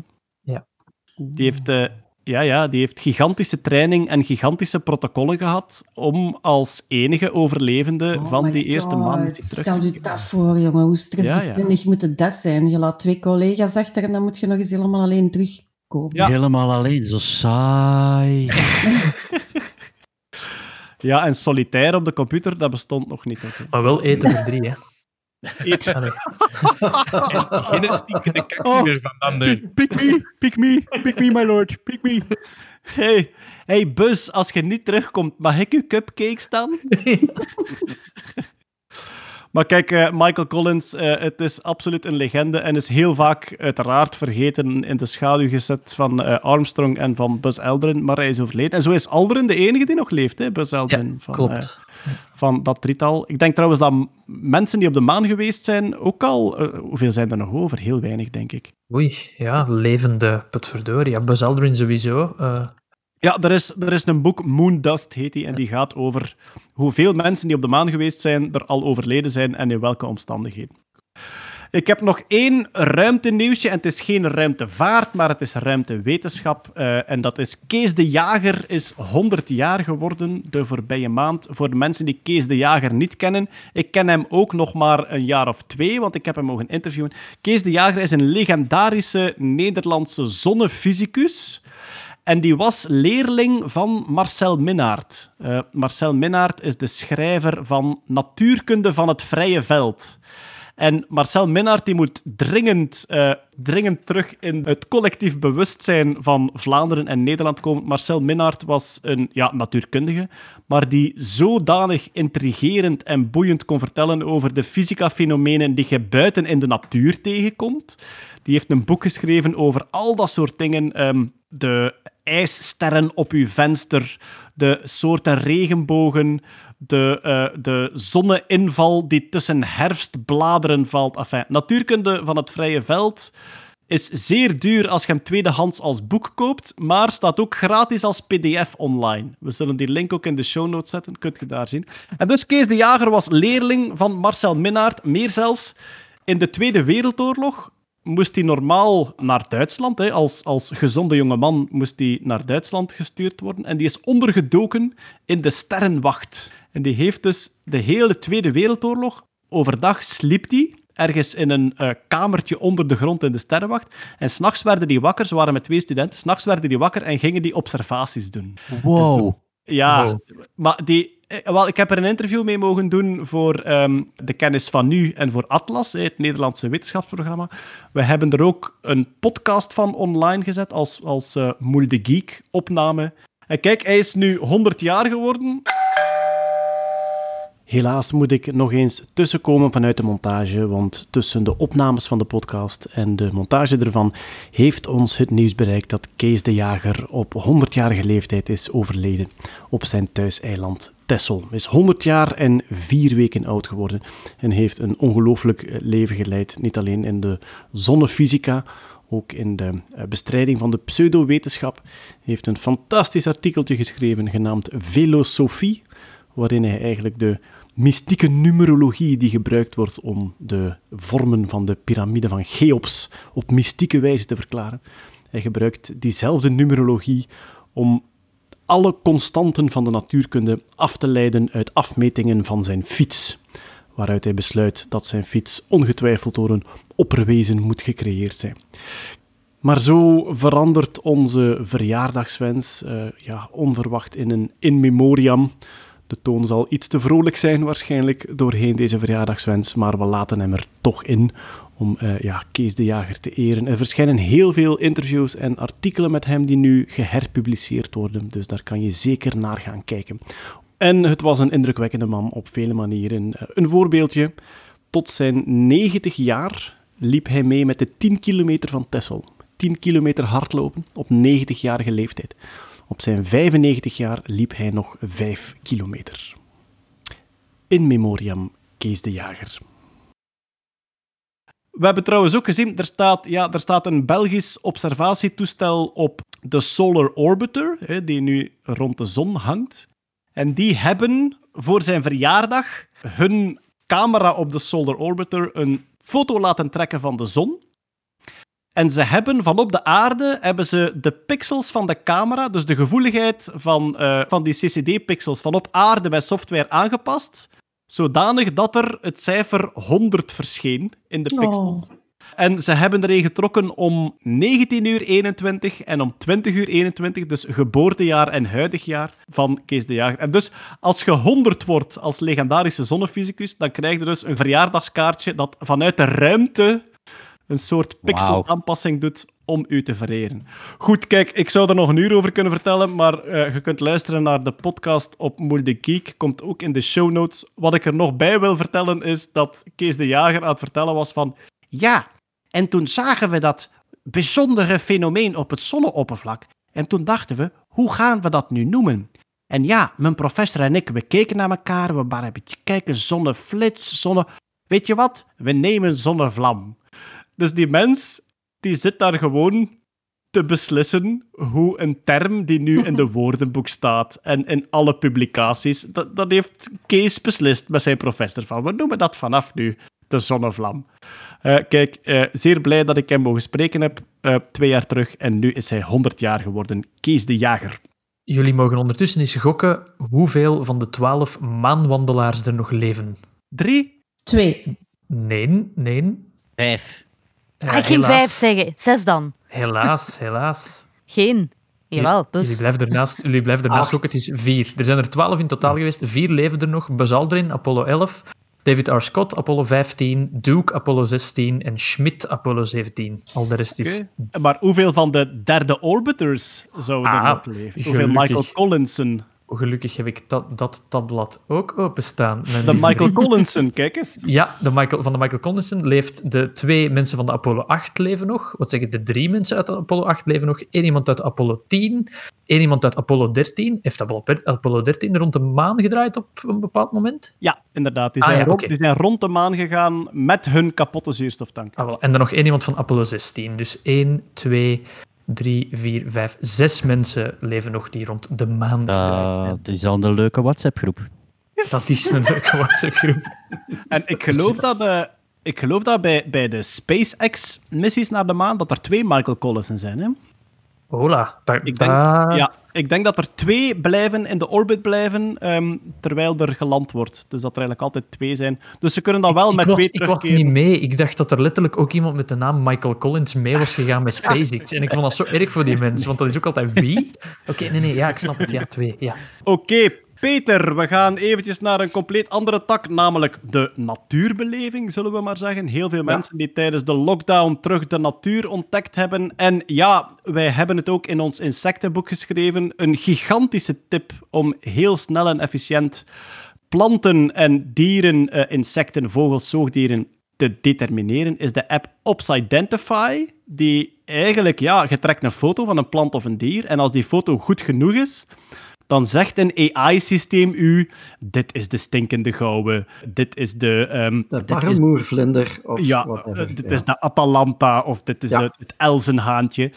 Die app, ik was daar al gigantische fan van. Ook omdat als je een foto trekt, kunt je hem direct uploaden als je wil naar waarnemingen.be om eigenlijk de soortenverspreiding in België in de gaten te houden. Maar die app is volledig vernieuwd En die is zelfs ja, een beetje vergamified. Er zit een, Ja, is een een, beetje... is een beetje eh, plezanter gemaakt om, om, mee om te gaan. Dus, maar de basis is, is inderdaad nog altijd hetzelfde. Foto's die je ter plekke trekt of foto's die je eh uploadt uit je, eh, uit uw galerij, die kan, die kan het systeem dan gaan proberen te identificeren. Maar nu kan je bijvoorbeeld ook badges verdienen. En zij hebben een aantal challenges. Dus nu bijvoorbeeld loopt de Meikever Challenge. Dus het is nu de bedoeling dat je probeert zoveel mogelijk meikevers te fotograferen Oh, en, te, en, en in het systeem te zetten. Dat is, dat is eigenlijk een beetje bedoeld om meer mensen eh, aan dat... Ja, eigenlijk kun je het bijna een spelletje noemen. Hè. En dat verfijnt het systeem van die waarnemingen natuurlijk wel. Hè. Er zit natuurlijk ook wel een, een bepaalde... Allee, volgens mij toch een bepaalde strategie achter om meer mensen de app te laten gebruiken. Hoe meer mensen dat systeem gebruiken, hoe nauwkeuriger uw waarnemingen net, eh, of uw waarnemers net wordt. Maar ik vind het heel tof dat ze met die gamification ja, niet alleen inderdaad gebruikers meer stimuleren, want ik merk het al bij mijzelf. Goed, ik ben zoals velen daar ook niet ongevoelig aan. Ik nam, denk ik, eh eergisteren een foto van een plant in de tuin. En die zei van, ja, dat is deze plant. En onmiddellijk daarna zei hij, als je nog drie typische Ja. wilde bloeiers in Belgische steden vindt, dan krijg je deze badge. Ja, dan ben ik verloren. Hè. Dus zo Ja, wel. gemakkelijk, zo gemakkelijk ben ik te motiveren wel. Ja. Maar zo proberen ze u te stimuleren. Dat vind, ik vind dat eigenlijk wel leuk gedaan. Hè? Dat ze, Ja. eh, Ik heb de app Ja. ook geïnstalleerd en ik heb, eh, ik heb verschillende dingen geleerd. Eh, mijn penis is blijkbaar een zeldzame Afrikaanse orchidee. ja, en mijn, en mijn hond is, is een koe. Ja, Ja, Een Schotse Hooglander. Er Ja. was iemand die tijdens het Eurovisie Songfestival met Obsidentify een foto genomen heeft van eh, de Litouwse zanger. En dat was blijkbaar een eh, dwergvleermuis. Die had zo twee grote engelenvleugels. En eh, ja, daar kwam uit dwergvleermuis. Noorwegen. Maar ja, Noorwegen, wel- Ah, No- de zanger van Noorwegen, ja, inderdaad. Maar, eh, maar het staat wel in de handleiding eh, niet gebruiken bij huisdieren. Dan. Dat in vele handleidingen, ja. Ja. En, en lieve, hoe ver zit je al? Want ik heb ooit geprobeerd jou in te halen in de Cloudspotter-app. Dat is natuurlijk Ah. niet gelukt. Want Ja, die- allee, voordat ik het wist, stond jij op één. Kan ik u nog inhalen in de Obsidentify-app? En wel, bij, in de Ik Cloudspotter weet, app... ik weet niet of daar een ranking in staat. Hè, bij Ik denk het niet. Nee. De, de Cloudspotter app- app, daar ben ik ook wel compleet berserk op gegaan. Eh, Dat is nu een paar jaar terug. Daar heb ik echt freaky voor gedaan om al die wolken te kunnen Mhm. vinden. En, ook- en ook al die badges te verzamelen. Dat gaat hier niet lukken, omdat gewoon, ja, er is een zodanige veelheid. Het gaat hem niet over volledigheid bij Obsidentify. Maar die challenges zijn wel tof. Gelijk nu heb je de Molshopen Challenge en de Meikever Challenge en de, de Egel Challenge. Vind ik wel Ja. tof. En ik, ik hoop dat ze zo ook bepaald onderzoek kunnen sturen. Hè? Want er was ook nieuws deze maand. Ik denk een Chinese onderzoeker die zich eh, zorgen maakte tussen, ja, helaas, de logische link tussen aandacht voor een soort en beschermingsmaatregelen voor een soort. en die had eigenlijk die had een correlatie gevonden tussen wat is de kans dat je uitsterft en hoeveel artikels verschijnen er over u in, in de wetenschappelijke pers. En misschien met dat soort challenges kunnen we dat wat meer sturen en kunnen zeggen van ja, Ja. kijk, we gaan nu het bewustzijn over de meikevers, de junikevers, de julikevers eigenlijk ook... eh. Ik, ik voorspel dat er nu binnenkort een glimwormen challenge gaat komen. Oh! Want het is nu, het is nu de periode, hè. ik denk nog even en dan begint dat. hè. Ah ja, ik, eh, ik, ik heb slecht nieuws voor u, lieve. Volgens de Obsidentify-app, gebruikt op uw webcam, zet jij een schelp, is Peter een eh, eh, hazelnoot en Stefanie, Stefanie, is een, hetzelfde gedaan. Stefanie is een kleine zanglijster. Dus, Oh, oké. kijk, Prachtig, Ik, toch? ik denk dat de scouts-totems automatisch toegewezen worden vanaf nu. Gewoon bij het kampvuur. Kijk eens in de camera, Jente. Jij bent de grijze ribbelbokter. Voilà, maar kijk, op Sidentify, we waren al lang fan van de app en er is Ja. nu een beetje eh gegamified. Ik vind, het een, ik vind het echt een fantastische manier om... Ja, je hebt, je hebt eigenlijk altijd een natuurgids in je binnenzak zitten het moment dat je door je tuin of door het bos wandelt. ja, en kijk, vroeger, vroeger had je voor elke van die, van die items had je een, zo'n veldgidsje nodig. Hè? Dus Ja. een boekje over bijen, een boekje over planten. Dan zit je op een deur een hele bibliotheek aan het meesleuren. Nu zit dat gewoon in, in die app en dat is heel, heel gemakkelijk. En ja, Peter, wij zijn al, al lang fan van ook Ah, ja. eh, in de natuur de hele kleine detaildingen. En dat vind ik het mooie daaraan. Met die een app kunt je in je tuin het kleinste onkruidblaadje kunt jij fotograferen en determineren. Je hoeft niet meer naar een of andere grote zeldzame boom te gaan. Je kunt gewoon in je tuin elk minuscuul Ja. beestje, elke vierkante centimeter is wel een soort die je kunt zien.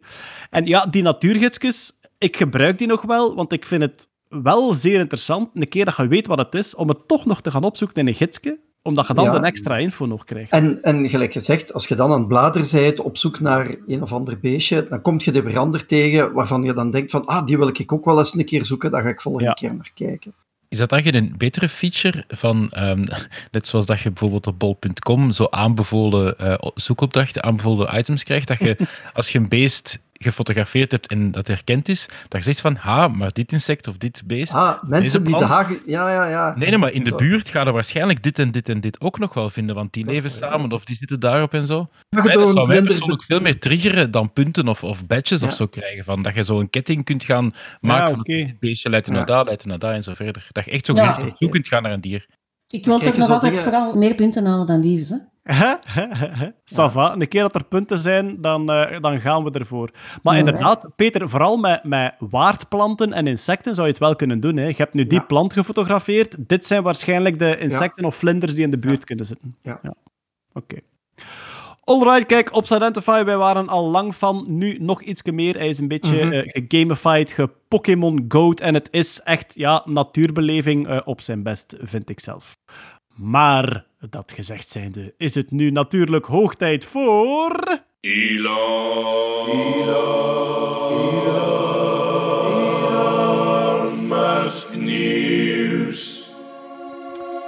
Wat is er deze maand gebeurd in Muskland? Goh ja, het meest in het oog springende was wel het feit dat hij een Saturday Night Live gepresenteerd heeft. Eh, Saturday Night Live, een van de vele eh, late-night shows in Amerika, met heel veel sketchen erin.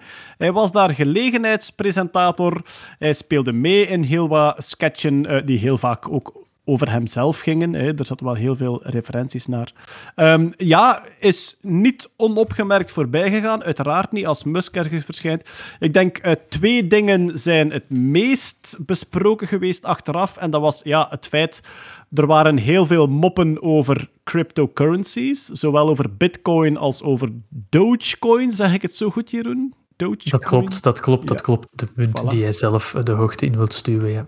Ja, voilà. En ja, die moppen zorgden dan weer voor koersveranderingen, waardoor er ja, dan gespeculeerd werd, doet hij dat bewust? Eh, is hij eigenlijk aan het pump en dumpen, zoals dat dan heet?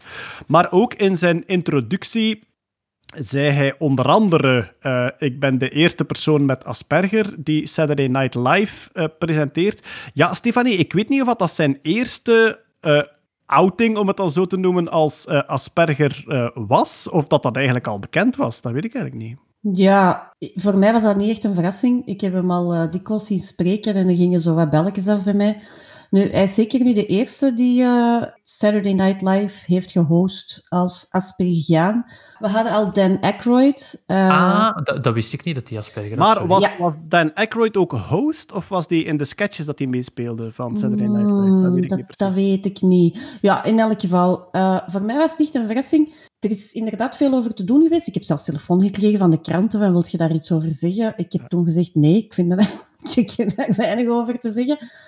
Op zich is dat positief dat iemand zich houdt. Mm, langs de andere kant, ja, dat is natuurlijk ook maar één persoon. Dus het is zeker niet de bedoeling dat mensen het, eh, het syndroom van Asperger dan eh, gaan eh, vereenzelvigen met iemand als Elon Musk. We gaan misschien even uitleggen wat Asperger is, in de mate van het mogelijk. Hè? Want beschrijvingen van dat soort ja, toestanden zijn altijd geweldig moeilijk. Hè? Dat is iets waar, waar de psychologie altijd mee worstelt. Van hoe kunnen we nu DSM-achtige. DSM is zo die een boek, een beetje die een bijbel van de aandoeningen. Van kijk, als je aan deze checklist voldoet, dan zijt je officieel, valt je binnen dit syndroom. Maar dat is geweldig moeilijk, omdat dat ook zelden heel afgeleid is en dat dat ook heel vaak een spectrum is, sowieso. Maar dat, dus, wordt, dat, dat wordt ook elke keer bijgesteld. Hè. Dus vroeger was het syndroom van Asperger was dat inderdaad een, een categorie in de DSM. Ehm, nu is dat niet meer zo. Nu valt dat onder autisme spectrumstoornissen. Ehm, wacht, ik ga misschien de oversimplificatie van het syndroom af. De te simpele omschrijving van het syndroom van Asperger is ehm, eh, hoog IQ en autisme spectrum. Het Of is normaal waarschijnlijk IQ. Ja, niet, Normaal niet per se, IQ ja? Niet, per se, niet per se hoog. Wat wel, begaafdheid en inderdaad autisme spectrum. Ja, wat wel opvallend is, is dat eh, blijkbaar veel mensen met wat men vroeger de diagnose Asperger-syndroom eh, noemde, dat die wel verbaal redelijk hoog scoren op hun, eh, op hun IQ-testen. Ja. Ja. ja, het heet niet voor niets eh, spectrum. Mhm. je, komt, je ziet ook vaak mensen die een combinatie hebben van autisme en mentale beperkingen. Mhm. Asperger is eigenlijk de andere kant uit. Je hebt een normaal IQ of een hoog IQ. Eh, ja, Stefanie, dat is iets wat jij al een paar keer vernoemd hebt. Rain Man heeft helaas de publieke opinie een totaal verkeerd beeld gegeven van Mhm. wat autisme spectrum eigenlijk is. Hè. Da- daar is het iemand die geweldig introvert is. Was Rayman, Rayman is gebaseerd op, op, een, op een echt persoon, die heette Kim Peek. En die werd, of is, die werd eh, initieel gediagnosticeerd met autisme eh, en dan binnen de categorie savantisme. Hè, dus savants, dat zijn mensen die Eén iets Ja. geweldig goed kunnen en in de rest eigenlijk tekortschieten dan, ja. Dat klopt. Maar uiteindelijk bleek dat Kim Peek zelf dat hij eigenlijk misgediagnosticeerd was. Die mensen is geboren met, met echt uitzonderlijke hersens. Die had eh, macrocefalie en die had geen hersenbrug. Eh, die had bilaterale taalcentra. Dus dat is, ja, dat is echt mega specifiek. Eh, en savantisme kan ook bestaan zonder autisme. Dus ja, dat beeld dat is inderdaad al, al bijgewerkt, zeg maar. Ja, syndroom van Asperger, dat gebruiken we niet meer as such. Er is trouwens ook wel wat ja, er is ook wel wat oproer geweest rond het feit dat hij überhaupt die term nog gebruikte. Maar dat is dan, dan zit hij echt in de identity politics op het autisme spectrum zelf. Omdat Asperger, dat was een nazi. En ja, we willen niet meer dat, we, die, dat we die termen gebruiken en zo. Ik heb, eh, ik heb ene kameraad die echt volledig binnen Asperger valt, zoals het beschreven staat. Ehm, en ja, dat is een geweldig intrigerende persoon. En wat hij mij verteld heeft, wat hij altijd bijgebleven is, dat is dat ehm, eigenlijk tot zijn 16 jaar vond, vond hij de wereld geweldig boeiend, omdat hij vond sociale conventies, dat was voor hem één grote escape room.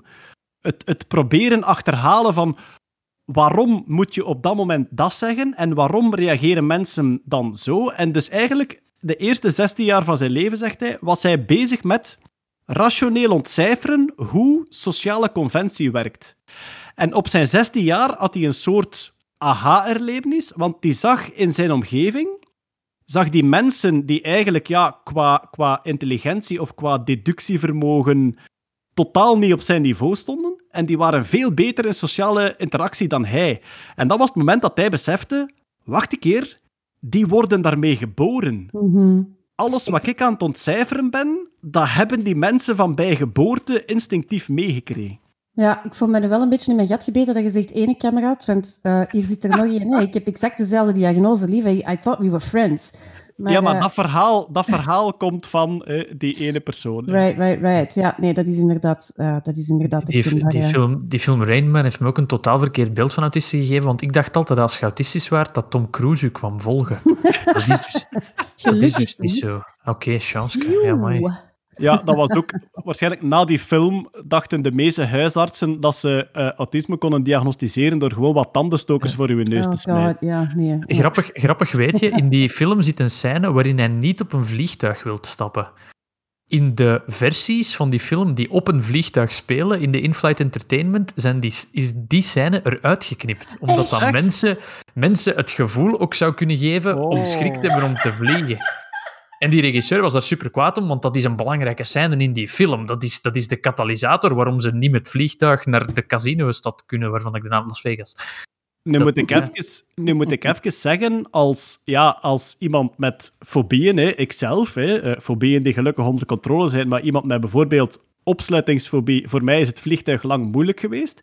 En ik vind dat, voor mij persoonlijk, ik vind dat wel heel erg considerate. Ik ben daar echt blij mee, want ik zou effectief getriggerd kunnen worden Ah, door ja. op Ja. het vliegtuig. Ja, ja, ja. Dus eh, ja, ik vind dat wel zeer eh, thoughtful van de vliegmaatschappijen. Dat ze De regisseur, de regisseur is het met u oneens, lieve, want zijn film is verkracht. Ik heb de film, ten eerste, ten eerste, ik heb de film gezien gewoon eh, op de grond, Op de niet grond. in het vliegtuig.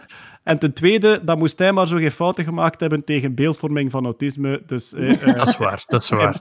hij moet niet komen zagen. De regisseur van Snakes on a Plane is ook geweldig in zijn gat gebeten. Hè? Twee shots ja. over. Ja, ik wil nog wel even toevoegen. Het is niet zo dat mensen met Asperger allemaal eh, inconsiderate bastards zijn. Hè? Ik bedoel, laat ons dat alsjeblieft niet, eh, niet doortrekken Nee, nee, als, als cliché of zo. Nee, absoluut. Nu, ja, in die Saturday Night Live, eh, ik heb er stukken van gezien. Ik heb er een paar van die, van die sketchen gezien. Ze zijn plezant, ze zijn niet geniaal, maar... Er zit er ene tussen, ja, maar dat is een beetje het niveau van SNL, spijtig genoeg, het laatste jaar. Het is niet meer zo scherp. Er is ene, er is ene sketch waarin hij eh, Wario speelt, de gemene broer van Mario. En ja, Elon Musk met een gekke snor in een fatsuit. Ja, ik kan daar een klein beetje mee geven. Wat dat je Ja. ook ziet, vind ik, wat dat je ook ziet in die sketchen, want je kunt ze zoeken op YouTube. Hè. We zullen een Ja. paar links in de, in de show notes zetten, maandoverzicht.nerdland.be. Ehm, eh, je kunt de sketchen zien en je ziet ook qua sketchen, schrijvers, ja, gelukkig hebben die echt nog wel talent zitten. Maar ook de bochten waarin ze zich gevrongen hebben om houten hark Elon Musk Ja, comedylijnen eh, te laten brengen. Het is uiteindelijk gelukt. Hè. Ik vind dat er, Ja. dat er weinig zijn die mislukken, maar je ziet ook echt... Je ziet het hem aflezen van een blaadje en je ziet hem de geregisseerde bewegingen met wenkbrauwen en handen doen, die uiteindelijk wel werken, maar je ziet dat het, eh, dat het hem niet van nature gegeven is ook, de comedy sketch spelen. Maar ja, Elon Musk in een Wario-kostuum, dat is wat ik noem een meme-burger. Dat is gewoon Ja. zo... Dat, zijn dat is, ja, dat is zo'n botsingsidee. Je smijt twee memes bij elkaar en laat het dan maar... Let it unfold. Laat het maar los. Nu, in een van die sketchen ging het dan over eh, Dogecoin. En ehm, de clue van de sketch was, hij gaf een hele ingewikkelde uitleg van hoe het werkte. En eh, uiteindelijk zei zijn tegenspeler in de sketch, ja, dus het is eigenlijk gewoon een beetje een hoax, eh, een hustle, hè? een beetje een hoax, een beetje een bedrog. En de punchline was dan, ja, ja, ja, het is een hustle. Maar die punchline die zorgde dan weer voor koersschommelingen en er waren er grote artikels. Elon Musk geeft toe dat Dogecoin eigenlijk maar een beetje een hoax is. En ja, dat, dat gaat niet meer weggaan, hè. Zo die, die crypto koersschommelingen. Het is begonnen met Elon Musk, die op een bepaald moment heeft aangekondigd dat Tesla dan toch geen bitcoin zal accepteren om auto's mee te betalen, omdat hij het niet kon maken dat de eh, eco- ecologische impact van bitcoin minen zo, zo groot was. Dat is toevallig een punt dat ik heb aangehaald in eh, de podcast vorige maand, dus ik kan alleen maar concluderen dat eh Mr. Elon, you are listening to our podcast, hè, for ideas, hè. Ehm, en dan heeft hij gezegd van ja, we gaan Bitcoin verbeteren. Nee, we gaan Bitcoin niet verbeteren. We gaan Dogecoin verbeteren. Hij heeft, ja, het, het, hij heeft wel wat kwaad bloed gezet, denk ik, bij de, de crypto-community van roekeloos tweetgedrag. Eh, wel, ja, dus, dus dat, dat Bitcoin te veel energie gebruikt, werd hem al lang aangevreven. Hè, van eh, wel elektrische auto's maken, maar dan ondertussen zelfs, ik denk, hele kolencentrales die opnieuw opgestart werden om Bitcoin te minen. Nu gaan er ons kwade mensen mailen met het argument dat, ja maar nee, Bitcoin drijft net de mensen tot het adopteren van hernieuwbare energie, want die is goedkoper. En eh, dat is, ja, ik, weet, ik vind dat een beetje een cirkelredenering, maar bon, we Ja, zijn Hij heeft nu zelf, want eh, ja, elke dag komt er iets nieuws. Hij heeft nu zelf gezegd dat hij, hij wil een systeem waarop dat cryptomunten kunnen bewijzen dat ze groene stroom gebruiken. Dus cryptomunten die enkel maar via solar en windpower enzovoort. Daar is hij nu over bezig. Nu, ja, alles wat hij of iemand anders zegt over cryptomunten zorgt voor beursschommelingen. Elke beursschommeling maakt slachtoffers bij die cryptomunten, want het is geweldig volatiel. En we hebben het al vaak gezegd, ik heb de indruk dat het cryptospelletje voor het overgrote deel op speculatie gebaseerd is en het gaat duurder worden en ik wil daar winst uit maken. En veel minder uit liefde voor de technologie en wat het eigenlijk qua innovatie betekent. Eh, Musk heeft die mens veel shit gehad omdat hij beurs, beursschommelingen veroorzaakt had, waardoor dat mensen effectief geld, veroorzaakt, eh, eh, geld verloren hebben. En er was in een tweet die schreef: ehm, De clitoris heeft 8000 zenuwuiteinden en is daarmee ongeveer half zo gevoelig als een crypto-evangelist als je iets over zijn mond. En ja, Jeroen, we hebben het ook al gemerkt. Onze mailbox er komt Ja, gelijk welke munt die wij vernoemen, er komt echt een soort mailvloed binnen van, ja, maar gemakkelijke- nee, want mijn munt is wel goed en proof of stake en proof of work en ja, kijk, ja. echt een dozijn mails genre van oh, Bitcoin en Ethereum. Dat is zo passé. Ik zit ondertussen al vier generaties verder met deze munt die proof of Engels woord hier introduceert. En dat, is, dat staat er ver boven. En ja, kijk jongens, eh, dat, nee. Maar bon, eh, laat ons gewoon ons standpunt nog één keer samenvatten. Wij vinden de technologie en de wiskunde erachter bijzonder intrigerend. Het hele speculatieding en hoeveel winst ga ik maken als ik vandaag koop, valt buiten de interesse van deze podcast. Dat is Klopt. economie, dat is speculatie. Wij zijn er nog altijd van overtuigd, de meerwaarde die gecreëerd wordt door cryptomunten, ja, ergens is ze er wel, omdat je een nieuw soort valuta creëert die niet meer centraal overheidsgemanipuleerd kunnen worden. Maar het gaat hem veel meer momenteel over speculeren en proberen om op een reizende koers winst te maken. En dat is iets waar wij persoonlijk minder in geïnteresseerd zijn.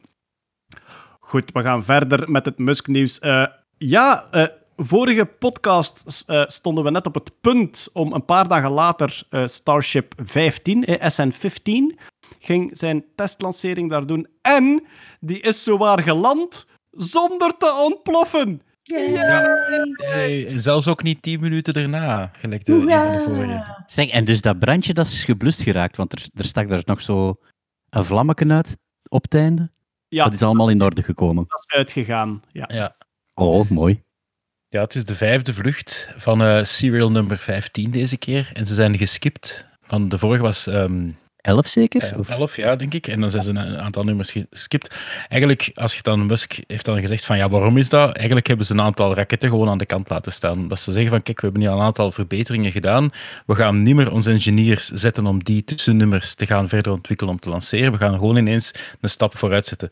Want op zich is dat wel heel interessant natuurlijk. Als je ziet met wat een, een, een snelheid dat die achter elkaar raketten aan het lanceren is, als je testvluchten aan het doen is met die, met die SN, met die serial numbers ja, dat heeft al wat tijd natuurlijk nodig om één, om gemaakt te worden. En twee, ja, wat dat ze leren uit zo'n ontplofte raket, om dat dan aan te passen en dan hardwaregewijs zeker eh, te gaan aanpassen in nieuwe raketten. Dus vandaar dat ze ineens zo'n hele grote stappen gezet hebben. En ze hopen nog altijd volgend jaar, de eerste keer met serial nummer 20, om echt de, ehm, de Dragon-capsule erop te kunnen zetten en echt naar buiten orbit te geraken en misschien zelfs richting maan te gaan. Zon, onbemand uiteraard, maar dat is wel altijd het doel over een jaar. Musk-tijd uiteraard. Jeroen, ik hoor je al denken. Ja, Maar eh, dat wordt wel weer een watchparty voor ons. Hè. De eerste lancering van het Starship eh, buiten Earth Orbit, Mhm. echt rond de maan, ja, dan gaan wij toch weer samen in een cafeetje zitten, op grote schermen eh, zitten kijken, gelijk bij de Falcon Heavy, Ja. denk ik toch. Hè. Ja, ze mikken op juli, eh, voor juli 2022, dat een SN20 samen met de Super Heavy eh, out of orbit gaat. Iets om Ah, naar uit te kijken. Ja. Iets om naar uit te kijken. Trouwens, ja, ik heb eh, een tijdje terug al die biografie van Musk gelezen van Ashley Vance, is de, is de schrijver. Biografie van Musk, die echt gaat van, echt van het prille begin gepest worden op school en dan eh, in Amerika belanden, eh, eh, PayPal, Zip2, een beetje dotcom-bubbel. Maar het begin van SpaceX was dus letterlijk raketten lanceren aan een hoog tempo en zoveel bijleren uit de ontploffing dat je ze heel snel performant krijgt. En dat is eigenlijk een beetje wat ze nu opnieuw aan het doen zijn. Ja. Ja, absoluut. En dat is wel cool dat je dat, één, dat je leert uit de raket die ontploft. Ja, uiteraard. Maar dat je tegen deze snelheid nieuwe versies kunt maken en lanceren. En dus je leercurve van wat dat je allemaal uit je fouten leert, die leercurve die zo hard omhoog gaan, dat is wel... Ja. ja ik vind, dat, ik vind dat op zich, los van, van Elon Musk als persoon, is dat wel stevig, stevig een R&D dat daar bij SpaceX zit. Hè. En wat, ja, wat ik ook heel tof vind momenteel is. De live-uitzendingen van SpaceX zelf, ja, die waren al een tijdje heel goed. Hè? Heel, heel tof om te volgen, goede presentatie, heel veel informatie. Maar wat je nu krijgt, de laatste jaren, dat zijn de live YouTubers. Dat is zo, ja, ehm, Everyday Astronaut. Hey, en- Astronaut is heel plezant om naar te kijken hè, bij de lanceringen van eh, SpaceX. En Scott Manley, denk ik, Scott is de Manley, andere. ja, ja, die, eh, voilà. En er is nu... een aanrader om te volgen ook. Ja, ik heb nu een, eh, een YouTube-filmpje gezien waarbij dat ze eigenlijk eh, vier, de vier populairste live YouTubers over lanceringen. Zetten ze in een splitscreen alle vier op één scherm om hun reactie te zien als de lancering lukt bij die in SN15. En dat is zo, ja, dat is zo één badje van nerd-euforie dat over u heen stroomt als dat ding de lucht in gaat en niet ontploft eigenlijk. Ja. Ja, en dus je hebt niet alleen de live verslaggeving van SpaceX die dat zeer goed afgewerkt is, je hebt dan de live YouTubers erbij. Maar het coole nu is, dat ding hangt vol camera's en ehm, SpaceX heeft nu ook eigenlijk ehm, beelden vrijgegeven in high resolutie. Dus niet, met het feit dat die dus niet ontploft is, zijn die camera's, de footage daar, daarop opgenomen is, zijn niet afhankelijk van de beelden die doorgestuurd zijn, maar dus de high resolutie beelden op die camera's van die raket zelf. En SpaceX heeft daar zelfs een, een slow motion ehm, montage van gemaakt en die is waanzinnig om te kijken. Je denkt gewoon van, dit is CGI, dit is CGI, dit kan toch niet echt zijn qua, qua resolutie en qua schermte en qua, qua ja, nerd schoonheid van de beelden. We zullen het zeker op de show notes zetten. Is dat, is dat waanzinnig. Dus eigenlijk, omdat het de eerste Starship is die niet ontploft, zijn ook de SD-kaartjes niet ontploft. Mhm. Ja, het voilà, de. SD-kaartjes. Goed, we gaan ook nog eens kijken naar Tesla. Want ja, de Cybertruck eh, die is al een tijdje geleden voorgesteld, is nog niet op de markt. Maar wat werd er deze maand bekend? Je kunt een kotterij kopen om achter uw Cybertruck te bouwen. Voor de Nederlandse luisteraars, een kotterij is iets wat we in Vlaanderen doen. Namelijk, je hebt een huis en je denkt van, goh, ik ga mijn terras overdekken. Ah nee, ik ga van mijn overdekt terras een veranda maken. Ah nee, ik ga daar een badkamer achter bouwen. En zo al die kleine kottekes die Vlamingen achter hun huis bouwen, dat zijn kotterijen. En je kunt nu een kotterij kopen om van achter op je Cybertruck te plaatsen, Stefanie. Yep, het is eigenlijk een beetje een caravan. Maar het is een caravan die dat verstopt zit in uw koffer. Dus, dus die koffer die kan opengaan en dan... eh, ja, dat is een soort eh, modulair systeem. Je bouwt het dan uit. eh, en je zet daar dan zo wat meubels in en zo. En, en ja, dat is dan een caravan. Maar het is niet zomaar een caravan, want het is natuurlijk Tesla. Hè. Ehm, Maar het is wel, het is wel een extern bedrijf, denk ik. Ik denk, denk dat het niet van Tesla zelf is, maar dat het een extern bedrijf is die het ontwikkelen voor eigenaars van de Cybertruck. Ah, pardon, dat heb ik dan gemist. In elk geval, it blends perfectly. Het ziet er ook echt gat lelijk uit. Ehm, je hebt... Maar de features zijn wel... Zijn, zijn, ja, de features zijn, zijn echt wel eh, impressionant. Eh, het is echt gigantisch klein. Hè? Ik denk dat dat nog geen vierkante meter is. Ja. Maar Het, het, past, het past in de laadruimte van een pick-up truck, dus dat Ja. is het, ja. ja, en alles is uitschuifbaar, eh, inschuifbaar, opplooibaar, uitplooibaar. Dus ja, je kunt daar twee stoelen in zetten. Die stoelen kun je dan weer inklappen en, en verschuiven naar een bed. Ehm, daar zit een, een kookeilandje in. Eh, oh, ah ja, ook alles is, hoe zeg je nu weer? Voice activated. Ah, voice command. Alles is met voice commands, zelfs uw kraan. Eh, dus Start ja, het water. Start het water bijvoorbeeld, ja. Ehm, blijk- je kunt ook water uit de rivier halen of eh, ergens een regenton zetten en weet ik veel wat. En je kunt dat daar filteren.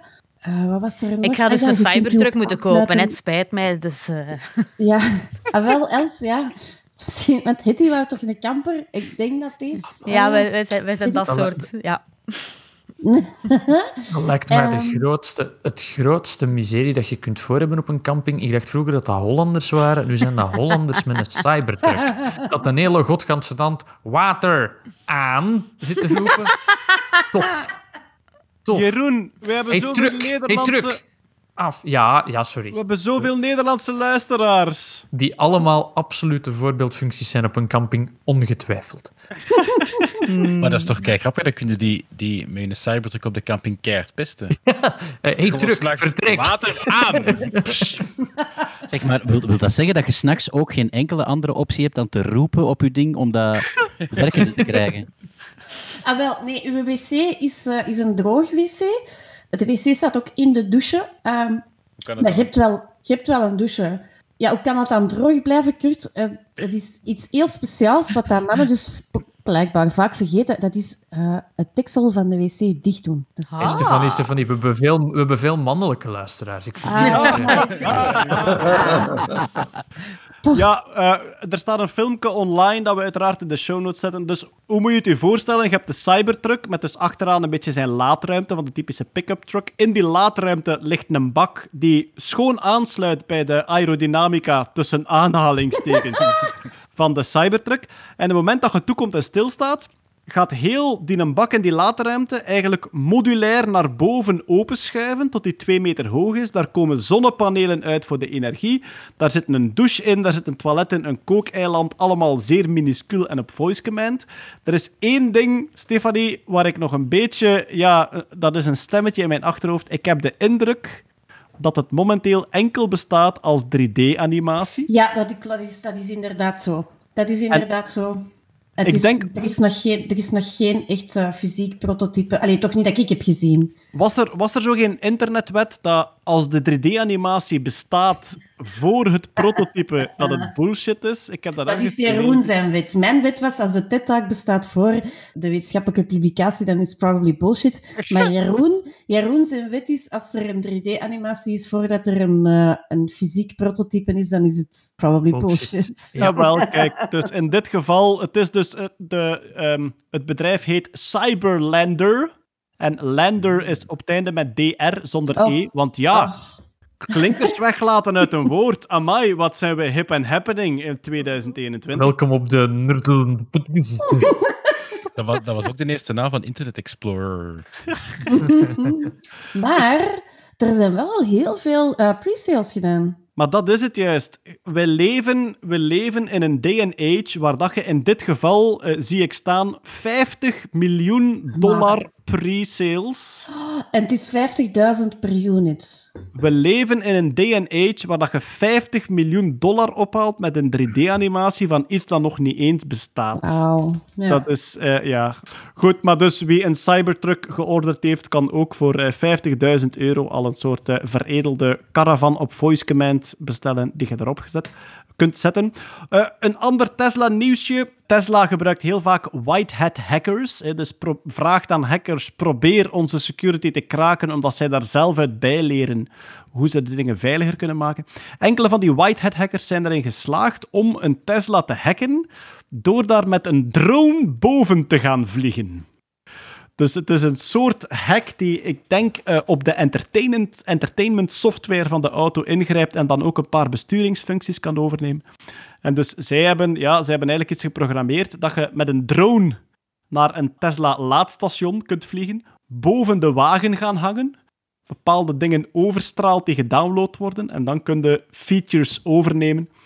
En ze schreven er ook bij dat ze het wormable konden maken.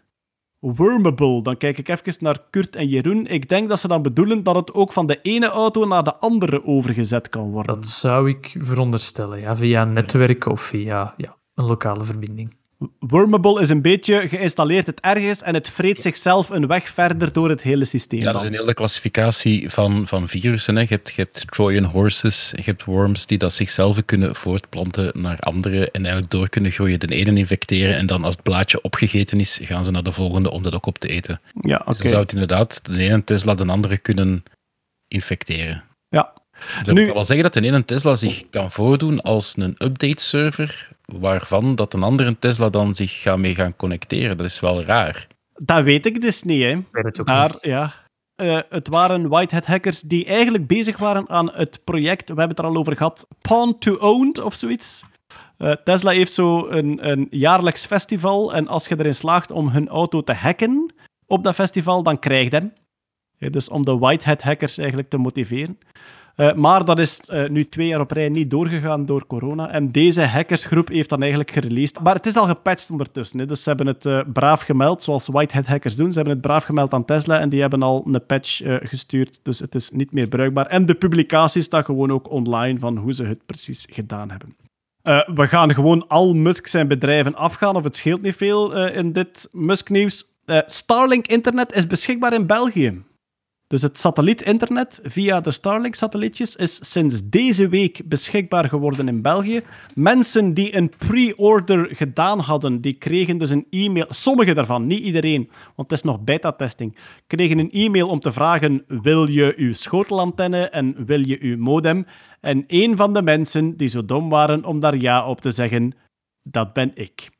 Dat meent je niet. Dus maar hopelijk binnen de week komt er hier bij mij thuis Jeroen en ik zeg het volledig om je te irriteren. Een dishy McDishface Een fishface. Nu, Ga in lieve, eindelijk in, deftige wifi hebben in ik je zeggen.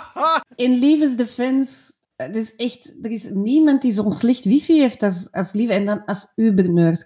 Ja, oké, dus ik Ja. snap het wel. Maar dus, wij- wij zitten helemaal op het einde van een kabel. hè, Ja, dus ja, waar ik woon. inderdaad. Ja, ja. Nee, dat is, dat is echt Mm, waar. We zitten op het einde van een kabel en dus wij hebben heel veel storingen of dingen die niet goed gaan. Eh, ja, ik, eh, ik krijg dus hopelijk binnenkort mijn schotlantenneke van Starlink. En het is, het is voornamelijk uit nieuwsgierigheid, hè, want ik weet niet of ik het abonnement lang ga houden of misschien vrij snel ga opzeggen. Maar ik wil toch even, ik wil toch even zien, marcheert het, hoe marcheert het? Kan ik het meenemen op reis of niet? Ik denk zelfs niet. Maar eh bon, uit nieuwsgierigheid dus hopelijk binnenkort een soort eh, recensie van Starlink Internet in deze podcast hier. En dan gaan we misschien tot slot van het Musk-nieuws nog eventjes naar onze goede vriend Jeff Bezos. Jeff Bezos heeft een bootje gekocht, Jeroen. Ja, en de, het grappige is dat zijn bootje een heel groot bootje is. Het bootje is zelfs zo groot dat er een nog kleiner bootje moet bijvaren om de grote boot draaiende te houden. Jeff Bezos heeft een jacht gekocht en bij die jacht komt een support ship om eh, de grote jacht te onderhouden. Dus komt het er eigenlijk op neer dat zijn jacht is zo fucking groot dat de reddingssloep ook een jacht is? Ja, daar komt het eigenlijk een beetje op neer. Er is een, een Shadow Superyacht dat er, dat er naast vaart. En daar, eh, Jeff Bezos' Superyacht is zo big, he needs an extra yacht. Ehm, wel, het is niet helemaal duidelijk wat dat het extra bootje gaat doen, maar Wat? het is...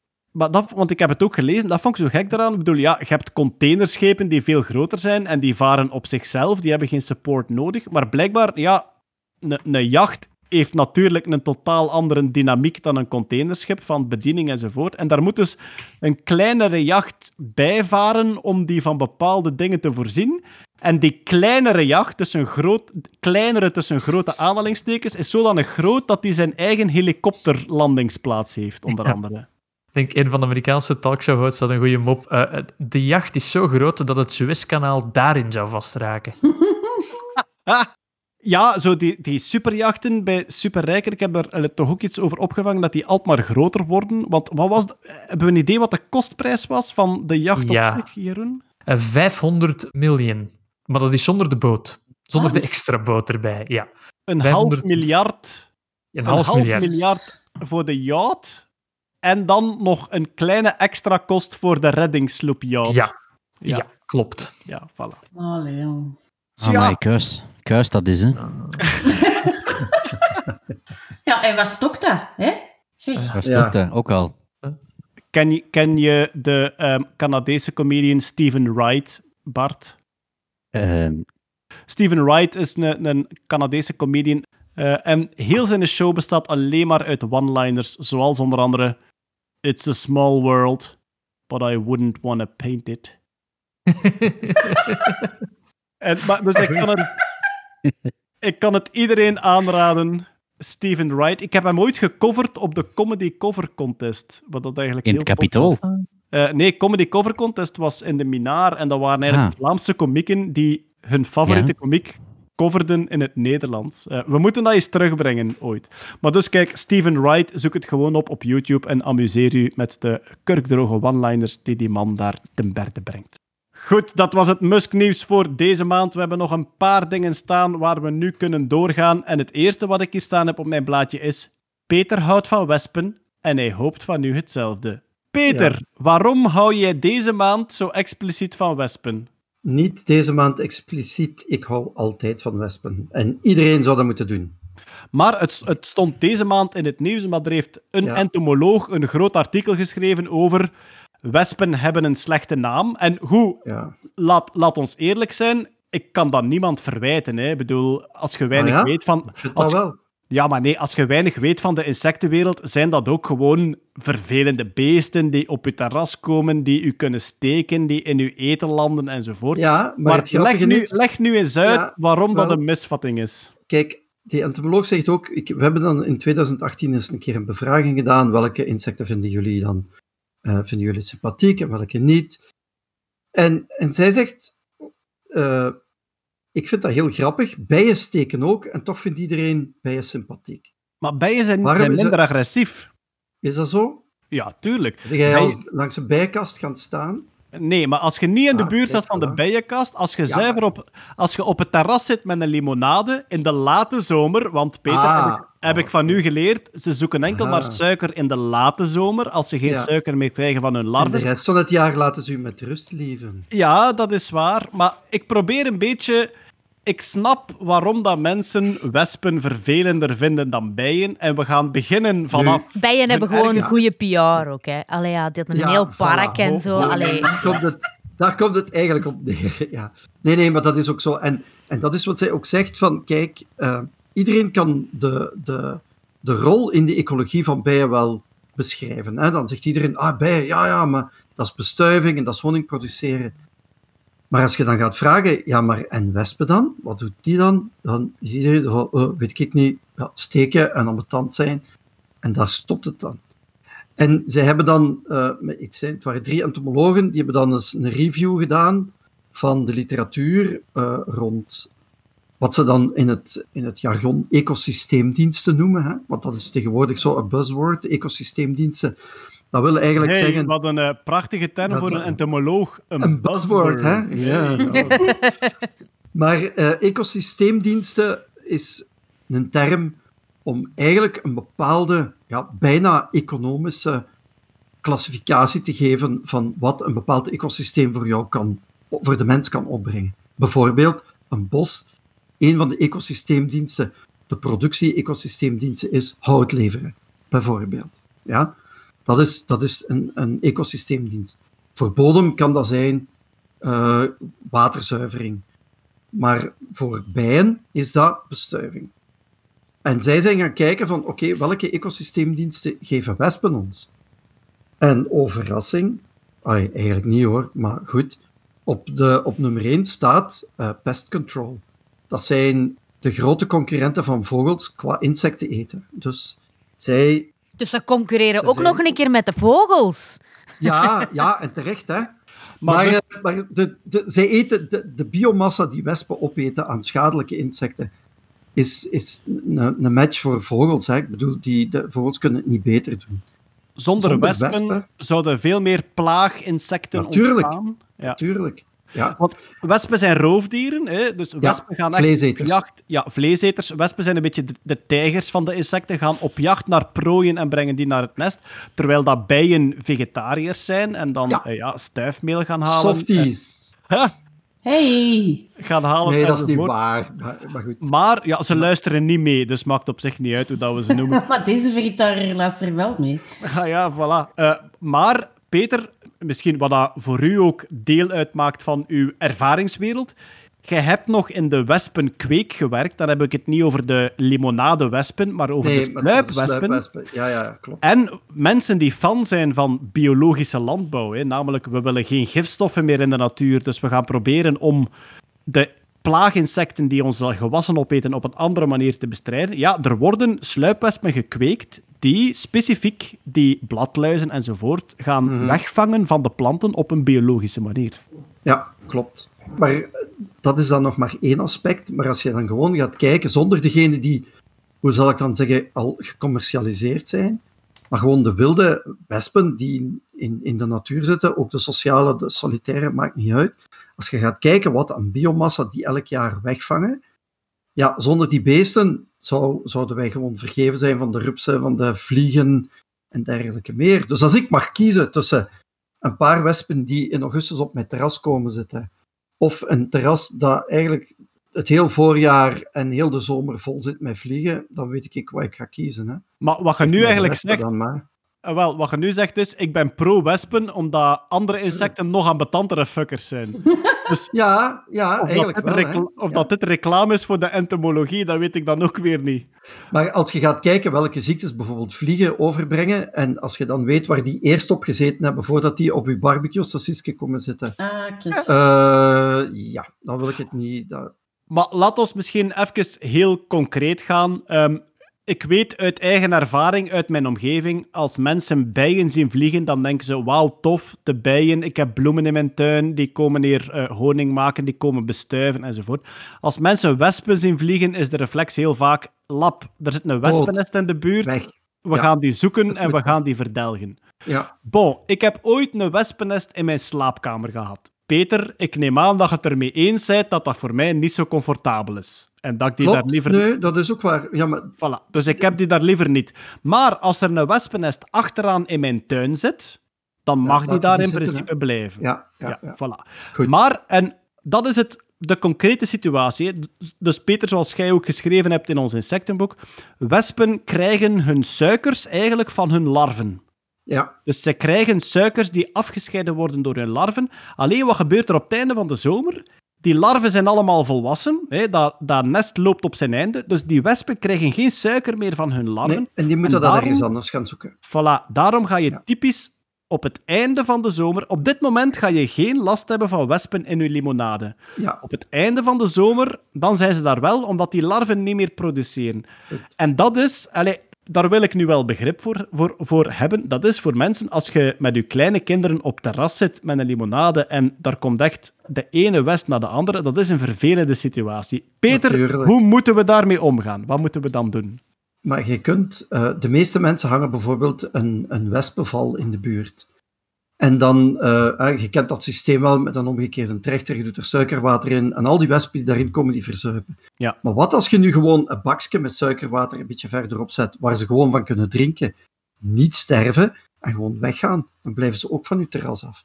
Ah, dus je kunt ze voederen op een andere plek, zodat ze niet tot bij u Net zoals, komen. we, net zoals we dat suikerklontje vertellen voor als er mieren in je keuken zitten. Weet je nog? Ja, dan, dan oké. heb je een suikerklontje waar dat die ergens binnenkomen.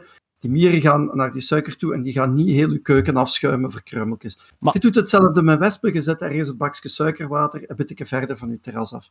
Dus je- wilde nu, eigenlijk, wilde nu eigenlijk zeggen dat als er genoeg suiker beschikbaar is tussen het nest en uw terras, dat ze eigenlijk niet tot uw terras moeten komen. Ja, de kans is groot. Nu, er is, er is bijvoorbeeld op Twitter, ehm moet maar eens gaan kijken, Wespenvriend. Daar zit eigenlijk zit daar een soort VZW achter. eh, en die mensen hebben zich tot doel gesteld om, als er overlast van wespen is, om die niet zoals de brandweer daar naartoe te gaan en die gaan vergiftigen.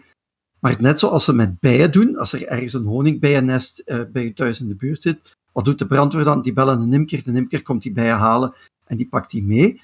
Wel, zij gaan uw wespennesten ook uithalen en proberen die naar ergens anders te zetten, zonder Ah, ze dood. Even terug verder naar de ecosysteemdiensten. Ja?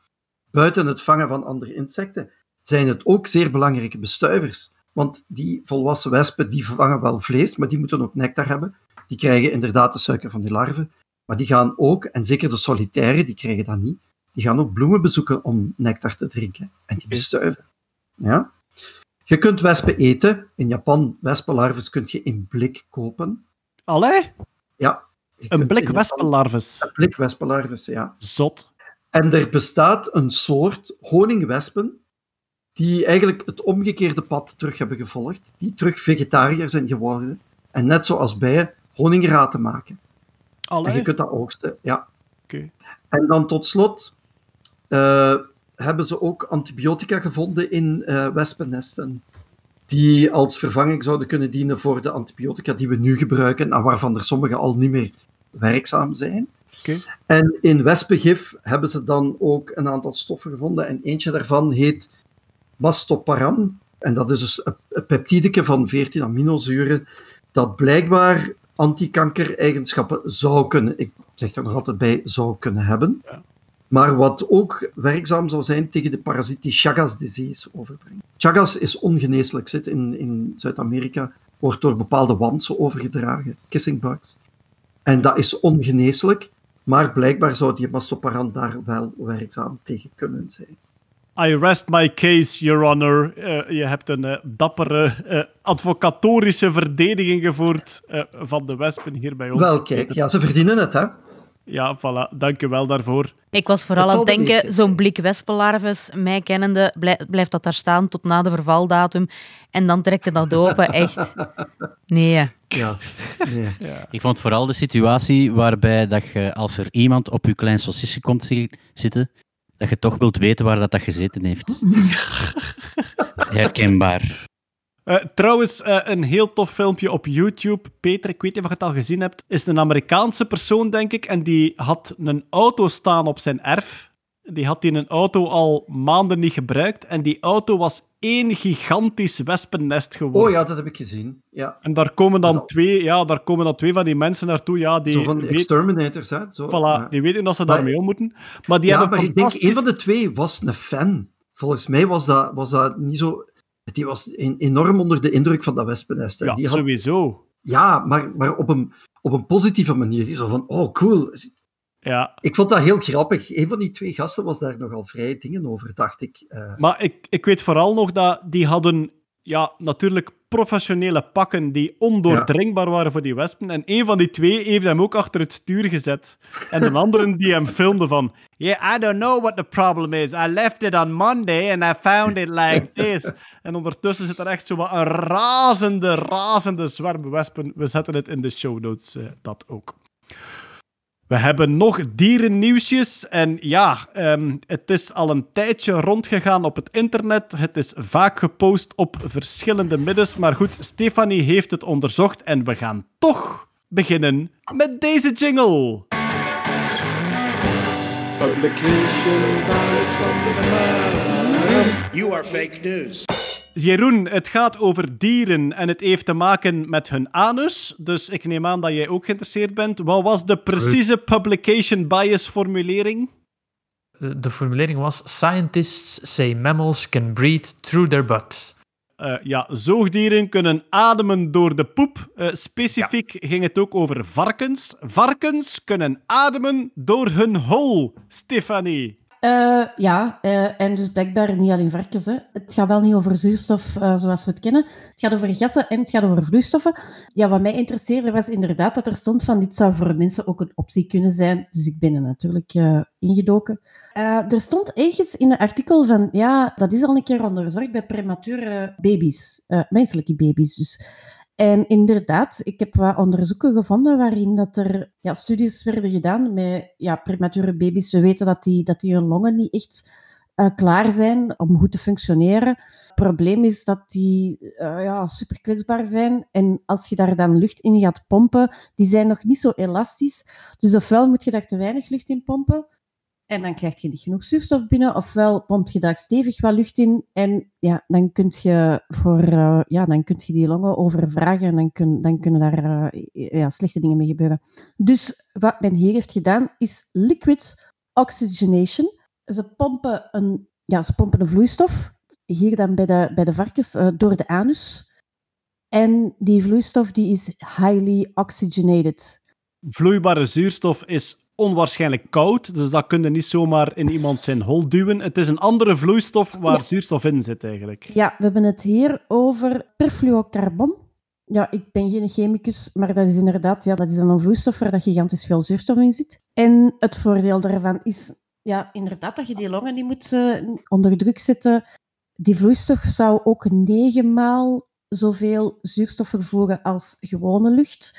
Dus is, dat, dat, is allemaal... is dat ook nou die, dat, dat product dat ze gebruiken om, als bloedvervanger? Dat, dat is een CFK, hè? volgens Ehm. mij. Er is, er is zo ergens een CFK dat je, dat je eigenlijk ehm, in je longen kunt, kunt laten stromen en dat de, de zuurstofopname verbetert. Eh, Ik denk dat dat bij diepzeeduiken zelfs wordt gebruikt. Inderdaad, inderdaad. Bij diepzeeduikers, ja, daar, daar is inderdaad ook zo... eh, dat, dat ben ik ook tegengekomen. Dus wat er bij die babytjes gebeurt, allee, in die studies, hè, want het is nog geen protocol, het wordt nog niet toegepast op eh, neonatologie in ziekenhuizen, dat waren, allemaal, dat waren allemaal studies. Maar ja, je hebt sowieso een tube in de, in de luchtwegen en daar zou je dan die vloeistof in pompen en komt de zuurstof gewoon eh, terecht waar het zou moeten komen. Mhm. Maar ik ben eventjes te raden gegaan bij een vriendin van de anesthesie hier op de Discord-server.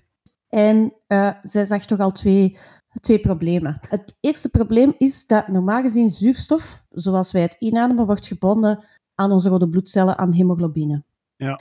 En dat is op zich niet echt nodig, want je kunt ook, zoals in dit geval, kunt je ongebonden zuurstof erdoor pompen. Maar de functie van de hemoglobine is net om, dat- om die zuurstof te gaan afzetten waar het nodig is. Dus bijvoorbeeld als er ergens een heel zuur milieu is of als er een, een, eh, een, een hoge CO2-waarde is, daar gaat die zuurstof worden afgegeven, zeg maar. En dan krijg je echt een schone, selectieve oxygenatie. dat gebeurde hier al niet. Dit zijn ongebonden zuurstofmoleculen. Die zijn een beetje, ja, een beetje de rogue militairen van, van, van de zuurstof, zeg maar. En een tweede probleem is dat er niet wordt gedaan aan CO2-afvoering. Ah, ja, tuurlijk. Ah, Ja. En dat is wel een hele belangrijke. Ja. Want ja, we hebben natuurlijk... verzuurt, dan verzuurt die plaats weer. Ja. Exacte mundo. Dan, verzuurt, dan verzuurt alles. En dan krijg je natuurlijk orgaanschade. Dus. Op zich is het een interessante, het is een interessante piste. Maar ze zijn eigenlijk maar een helft van het werk aan doen. Inderdaad, de, de CO2 wordt niet afgevoerd. Dus dat gaat sowieso voor zever zorgen. Misschien een heel acute situatie dat je dat kunt gebruiken. Maar in de publicatie zoals het nu is gepresenteerd, presenteren ze het als een, een oplossing voor chronische aandoeningen. En daarin zei mijn vriendin van de anesthesie, "Hmm, dat denk ik Ja. niet, eigenlijk niet. Ik heb hier even naar de studie gekeken nog. Blijkbaar komt hun inspiratie van zoetwatervissen. Bij bepaalde zoetwatervissen zou er een zuurstofuitwisseling zijn via de darmen. Hè. Dus eigenlijk water dat binnenkomt via de achterkant toch een zuurstofuitwisseling heeft met het bloed. En ze wilden onderzoeken of dat ook bij zoogdieren kon. En goed, ja, met die bepaalde vloeistof is er dus wel degelijk zuurstofuitwisseling met het bloed, maar zoals dat je net beschreven hebt, niet op de manier die functioneel interessant is voor ons lichaam. Dus het is... Jullie hebben het, het, het grappigste deel van het onderzoek gemist. Er zit een, een, tekening in waarin ze hun testopstelling demonstreren. En dat is achtereenvolgens een muis, een rat en een varken op de rand van een bad. Hun mond is toegedekt met een plasticje en ze laten bubbeltjes uit hun anus ontsnappen. En het is de beste wetenschappelijke afbeelding die ik dit jaar gezien heb. Ga je ze afdrukken en boven je bed hangen, Jeroen? Ja, wat doet je denken dat ik dat nog niet gedaan heb? Oké, we, zul- we zullen er eh, uw nieuwe afbeelding op Twitter van maken. Hè? Dat is Uw- allemaal niks nieuws natuurlijk. Insecten ademen al 400 miljoen jaar door hun gat. Hè. Libellenlarves. Peter is echt juist mijn vader, die telkens als ik een plaat opleg met elektronica zegt van oh, die mannen van Kraftwerk, die doen al 40 jaar hier. aan." Dat is een beetje... in- in- insecten zijn de Pink Floyd eh, Echt, van de dierenwereld. Ja. Met dat muziek, luister er eens naar. Auto. Dat er Maar kijk, laat ons dan maar gewoon naar de insecten gaan, want Peter, Brood X is aan het uitkomen. We hebben het er al, Ja. gehad, we hebben het er al over gehad in de podcast. Hè. Dus Brood X, de eh, gigantische populatie cicaden die om de 17, 17 jaar ja. uitkomt in de US. En die is, as we speak, hè, er zijn volop Ja, meldingen van nu- gigantische troepen. Ik denk tien dagen geleden is dat begonnen. Ja. En dat zit nu op zijn piek, ja. Er zijn dus plaatsen bij waarbij die vervellingshuidjes al 10, 15 centimeter dik liggen onder de bomen. Hè. Zoveel komen er daaruit. Dus echt een soort sneeuwtapijt Ja, van ja, dat is echt... ja. vervellingshuiden van cicaden. Ja.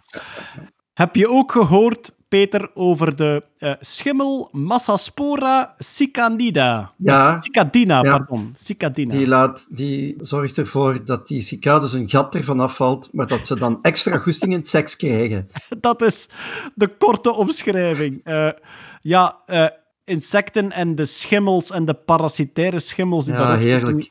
Ja, dat is onwaarschijnlijk welk soort perverse trucken dat eh, de evolutie en de schimmels met, met ik- andere ik, beesten Ik weet niet of het, of het al op een podcast geweest is, maar een tijdje geleden zag ik een artikel, dat was een, een insect dat een schimmel at, die parasiteerde op een schimmel, die parasiteerde op een insect.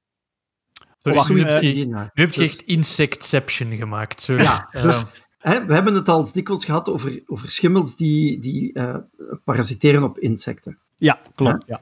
Goed, maar er is een schimmel die zo'n schimmel aanvalt. Ah, dus de, de, de schimmel die Het de schimmel waar de insecten last van hebben, eh, onschadelijk maakt. Ja. Ja, en daar zijn nu bepaalde, ik denk dat het muggen zijn, dat die larves dat soort schimmel dan eten. Dus het insect is geïnfecteerd door een schimmel en eet, ja, bewust tussen aanhalingstekens, eet een andere schimmel als medicijn. Eh, ja, eh, Om de schimmel maar in wordt dan nog lichaam- weer aangevallen door een ander beest. Hè. Ah, oké, ja, dan nog een keer gepakt Ja. door iemand anders. Ja. Nu, ja, die schimmel hier, Massaspora eh, cicadina, wat gebeurt er? Die cicades kruipen na 17 jaar terug uit de bodem. Op weg naar boven, terwijl dat die door de bodem aan het vreten zijn, komen die schimmelsporen tegen. Ja. Die vestigen zich in hun lichaam. Bij het grootste deel van die cicaden kan hun afweersysteem die buitenschoppen. Bij 1 tot 5 procent begint die wel te woekeren. Wat gebeurt er dan? Die schimmel neemt het volledige achterlijf over. En die zorgt ervoor dat het achterlijf met ook de genitaliën eraf valt. Ja, en dat is Was- dan één grote sporenbundel voor Ja. de volgende generatie. Heel dat achterlijf wordt... Ik heb mensen, eh, eh, entomologen, die het omschreven als een soort eh, vliegend zoutvat des doods. Dus die cicaden vliegen rond en hun achterlijf is eigenlijk een soort zoutvat van sporen van die schimmel. ja. Dus terwijl dat die rondvliegen, strooien die overal sporen rond voor de nieuwe generatie die over 17 jaar pas uitkomt. Dus Dus die sporen die blijven sporen moeten 17 jaar in rust Ja. gaan. Ja. Die blijven 17 jaar in de bodem zitten tot de nieuwe generatie uitkomt. Maar die schimmel die maakt ook bepaalde stoffen, zoals catinone, die verwant zijn aan de amfetamines. En wat gebeurt er? De cicade die besmet is, die komt in een soort MDMA-trip. En die krijgt immens veel zin om te paren met alle soortgenoten, gelijk welk geslacht. Dus dat wordt echt een soort gigantisch feestje. Die begint daarmee te paren, terwijl eigenlijk de genitaliën er al afgevallen zijn en vervangen zijn door een soort sporenverspreider. En op die manier verspreiden die weer hun sporen naar andere soortgenoten. Mannetjes van die cicaden beginnen onder invloed van die amfetamines ook vrouwelijk gedrag te vertonen, zodat andere mannetjes met hen komen paren om weer Ja. die sporen te verspreiden. Het is echt een soort Cool, hè? party, party drug of hell, is het. De Massaspora eh, cicadina. En dus om de 17 jaar eh, komt hij nog eens boven en kan hij zich in die, ja. die cicaden vestigen. We gaan een beetje binnen hetzelfde thema blijven, maar dan bij de mens. Jeroen, eh, de mij totaal onbekende website eh, Pornhub. Ah, spreek je dat zo uit? Oké, ja. ja, absoluut, ja. Eh, die heeft artificial intelligence gebruikt om 100 jaar oude erotische filmpjes, die dus in zwart-wit zijn en zeer slecht van resolutie, om te zetten in kleur en scherpe resolutie, alsof het hedendaagse filmpjes zijn. Jeroen, ik kijk uit naar het verslag van je research. Ik heb dit eh, uitvoerig moeten researchen, want eh, het was niet meteen helemaal duidelijk waar die site was op het internet, maar ik heb ze dan toch gevonden. Ehm, het is eigenlijk een AI-proces dat al wel vaker gebruikt is. Het, het inkleuren van grijswaardefoto's. We doen dat soms ook met foto's van uit een oorlog en zo. Dat is een beetje een, een, een niche op zich, want je wilt natuurlijk zo waarachtig mogelijk de originele kleuren benaderen daar zijn al onderzoeken naar geweest en het hangt heel hard af van de dataset die je gebruikt, hoe je uiteindelijke kleuren gaan aangevuld worden. Want één grijswaarde mapt niet op één kleur. Eh Eén grijswaarde, dat kan blauw geweest zijn, dat kan rood geweest zijn, dat kan groen geweest zijn. Dus je moet Ik ook een neem, beetje... aan, ik neem aan dat de trainingsset hier vooral bestond uit huidskleur. Ja, ja 100.000, 100.000 denk ik van hun eigen ehm, adult video's en images eh, zijn gebruikt om die filmpjes in te kleuren. Met een beperkte menselijke tussenkomst, wat dat in het geval van Pornhub wel een beetje dubbelzinnig klinkt. Maar dus ze zijn geremasterd naar de jaren 60, eh, sorry, naar de jaren 60, naar 60 frames per seconde. Ze komen eh, uit de jaren 60 onder naar 60 frames per seconde en een 4K-resolutie. Ik ben eventjes door eh, de, de, want ze hebben er een hele mooie site rond gemaakt ook, de Remastered. Ik denk dat dat een beetje een, een zinspeling is op masturbatie, maar kijk, dat- Onmogelijk. Onmogelijk, dat de sloebers. Eh, Ik, ik zal jullie even meenemen door de wervelende, ehm, eeuwenoude pornowereld. Het eerste filmpje, de eerste kus ooit op film geregistreerd, is een getrouwd koppel dat kust. En dat is ingekleurd en dat is, ja, dat is, amai, eh, keep it in my pants. Het volgende filmpje eh, gaat over een vrouw die een kleed aan heeft dat een beetje nat wordt. Ehm, ik moet wel zeggen, als ik de filmpjes bekijk, Ehm, de temporele coherentie, om het met een heel duur woord te zeggen. Ik vind het heel grappig dat ik over porno kan praten met dure woorden als temporele coherentie. De kleur van de kledij wisselt van scène tot scène. En dat is wel een nadeel van de techniek die gebruikt is. Ah Ehm, ja, de, de- er is- de, de AI heeft eigenlijk geen continuïteit Nee, meegenomen. de AI weet niet dat het shot van de, ene, eh, van de ene kant dezelfde persoon is als het shot langs de andere kant en beslist dan tussen aanhalingstekens om in het, het andere eh, perspectief de jurk of, of de kledij een lichte, lichtjes andere kleur te geven. Jeroen, is het een optie om de stukken met kledij over te slaan?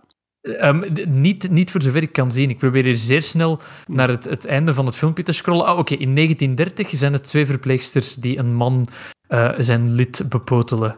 En eh, ja, die verpleegsters die zien er vleeskleurig uit. Dat is wat dat ik jullie kan melden vanuit eh, de, front, de frontlinie hier. Dus het is, ik, het is coole technologie, maar ik vind het resultaat hier toch een beetje ehm, ja, mixed, wegens de, de kleurverschillen tussen de scènes heen. Ik heb, ik heb mijn porno liever consistent, lieve, is wat ik probeer te zeggen.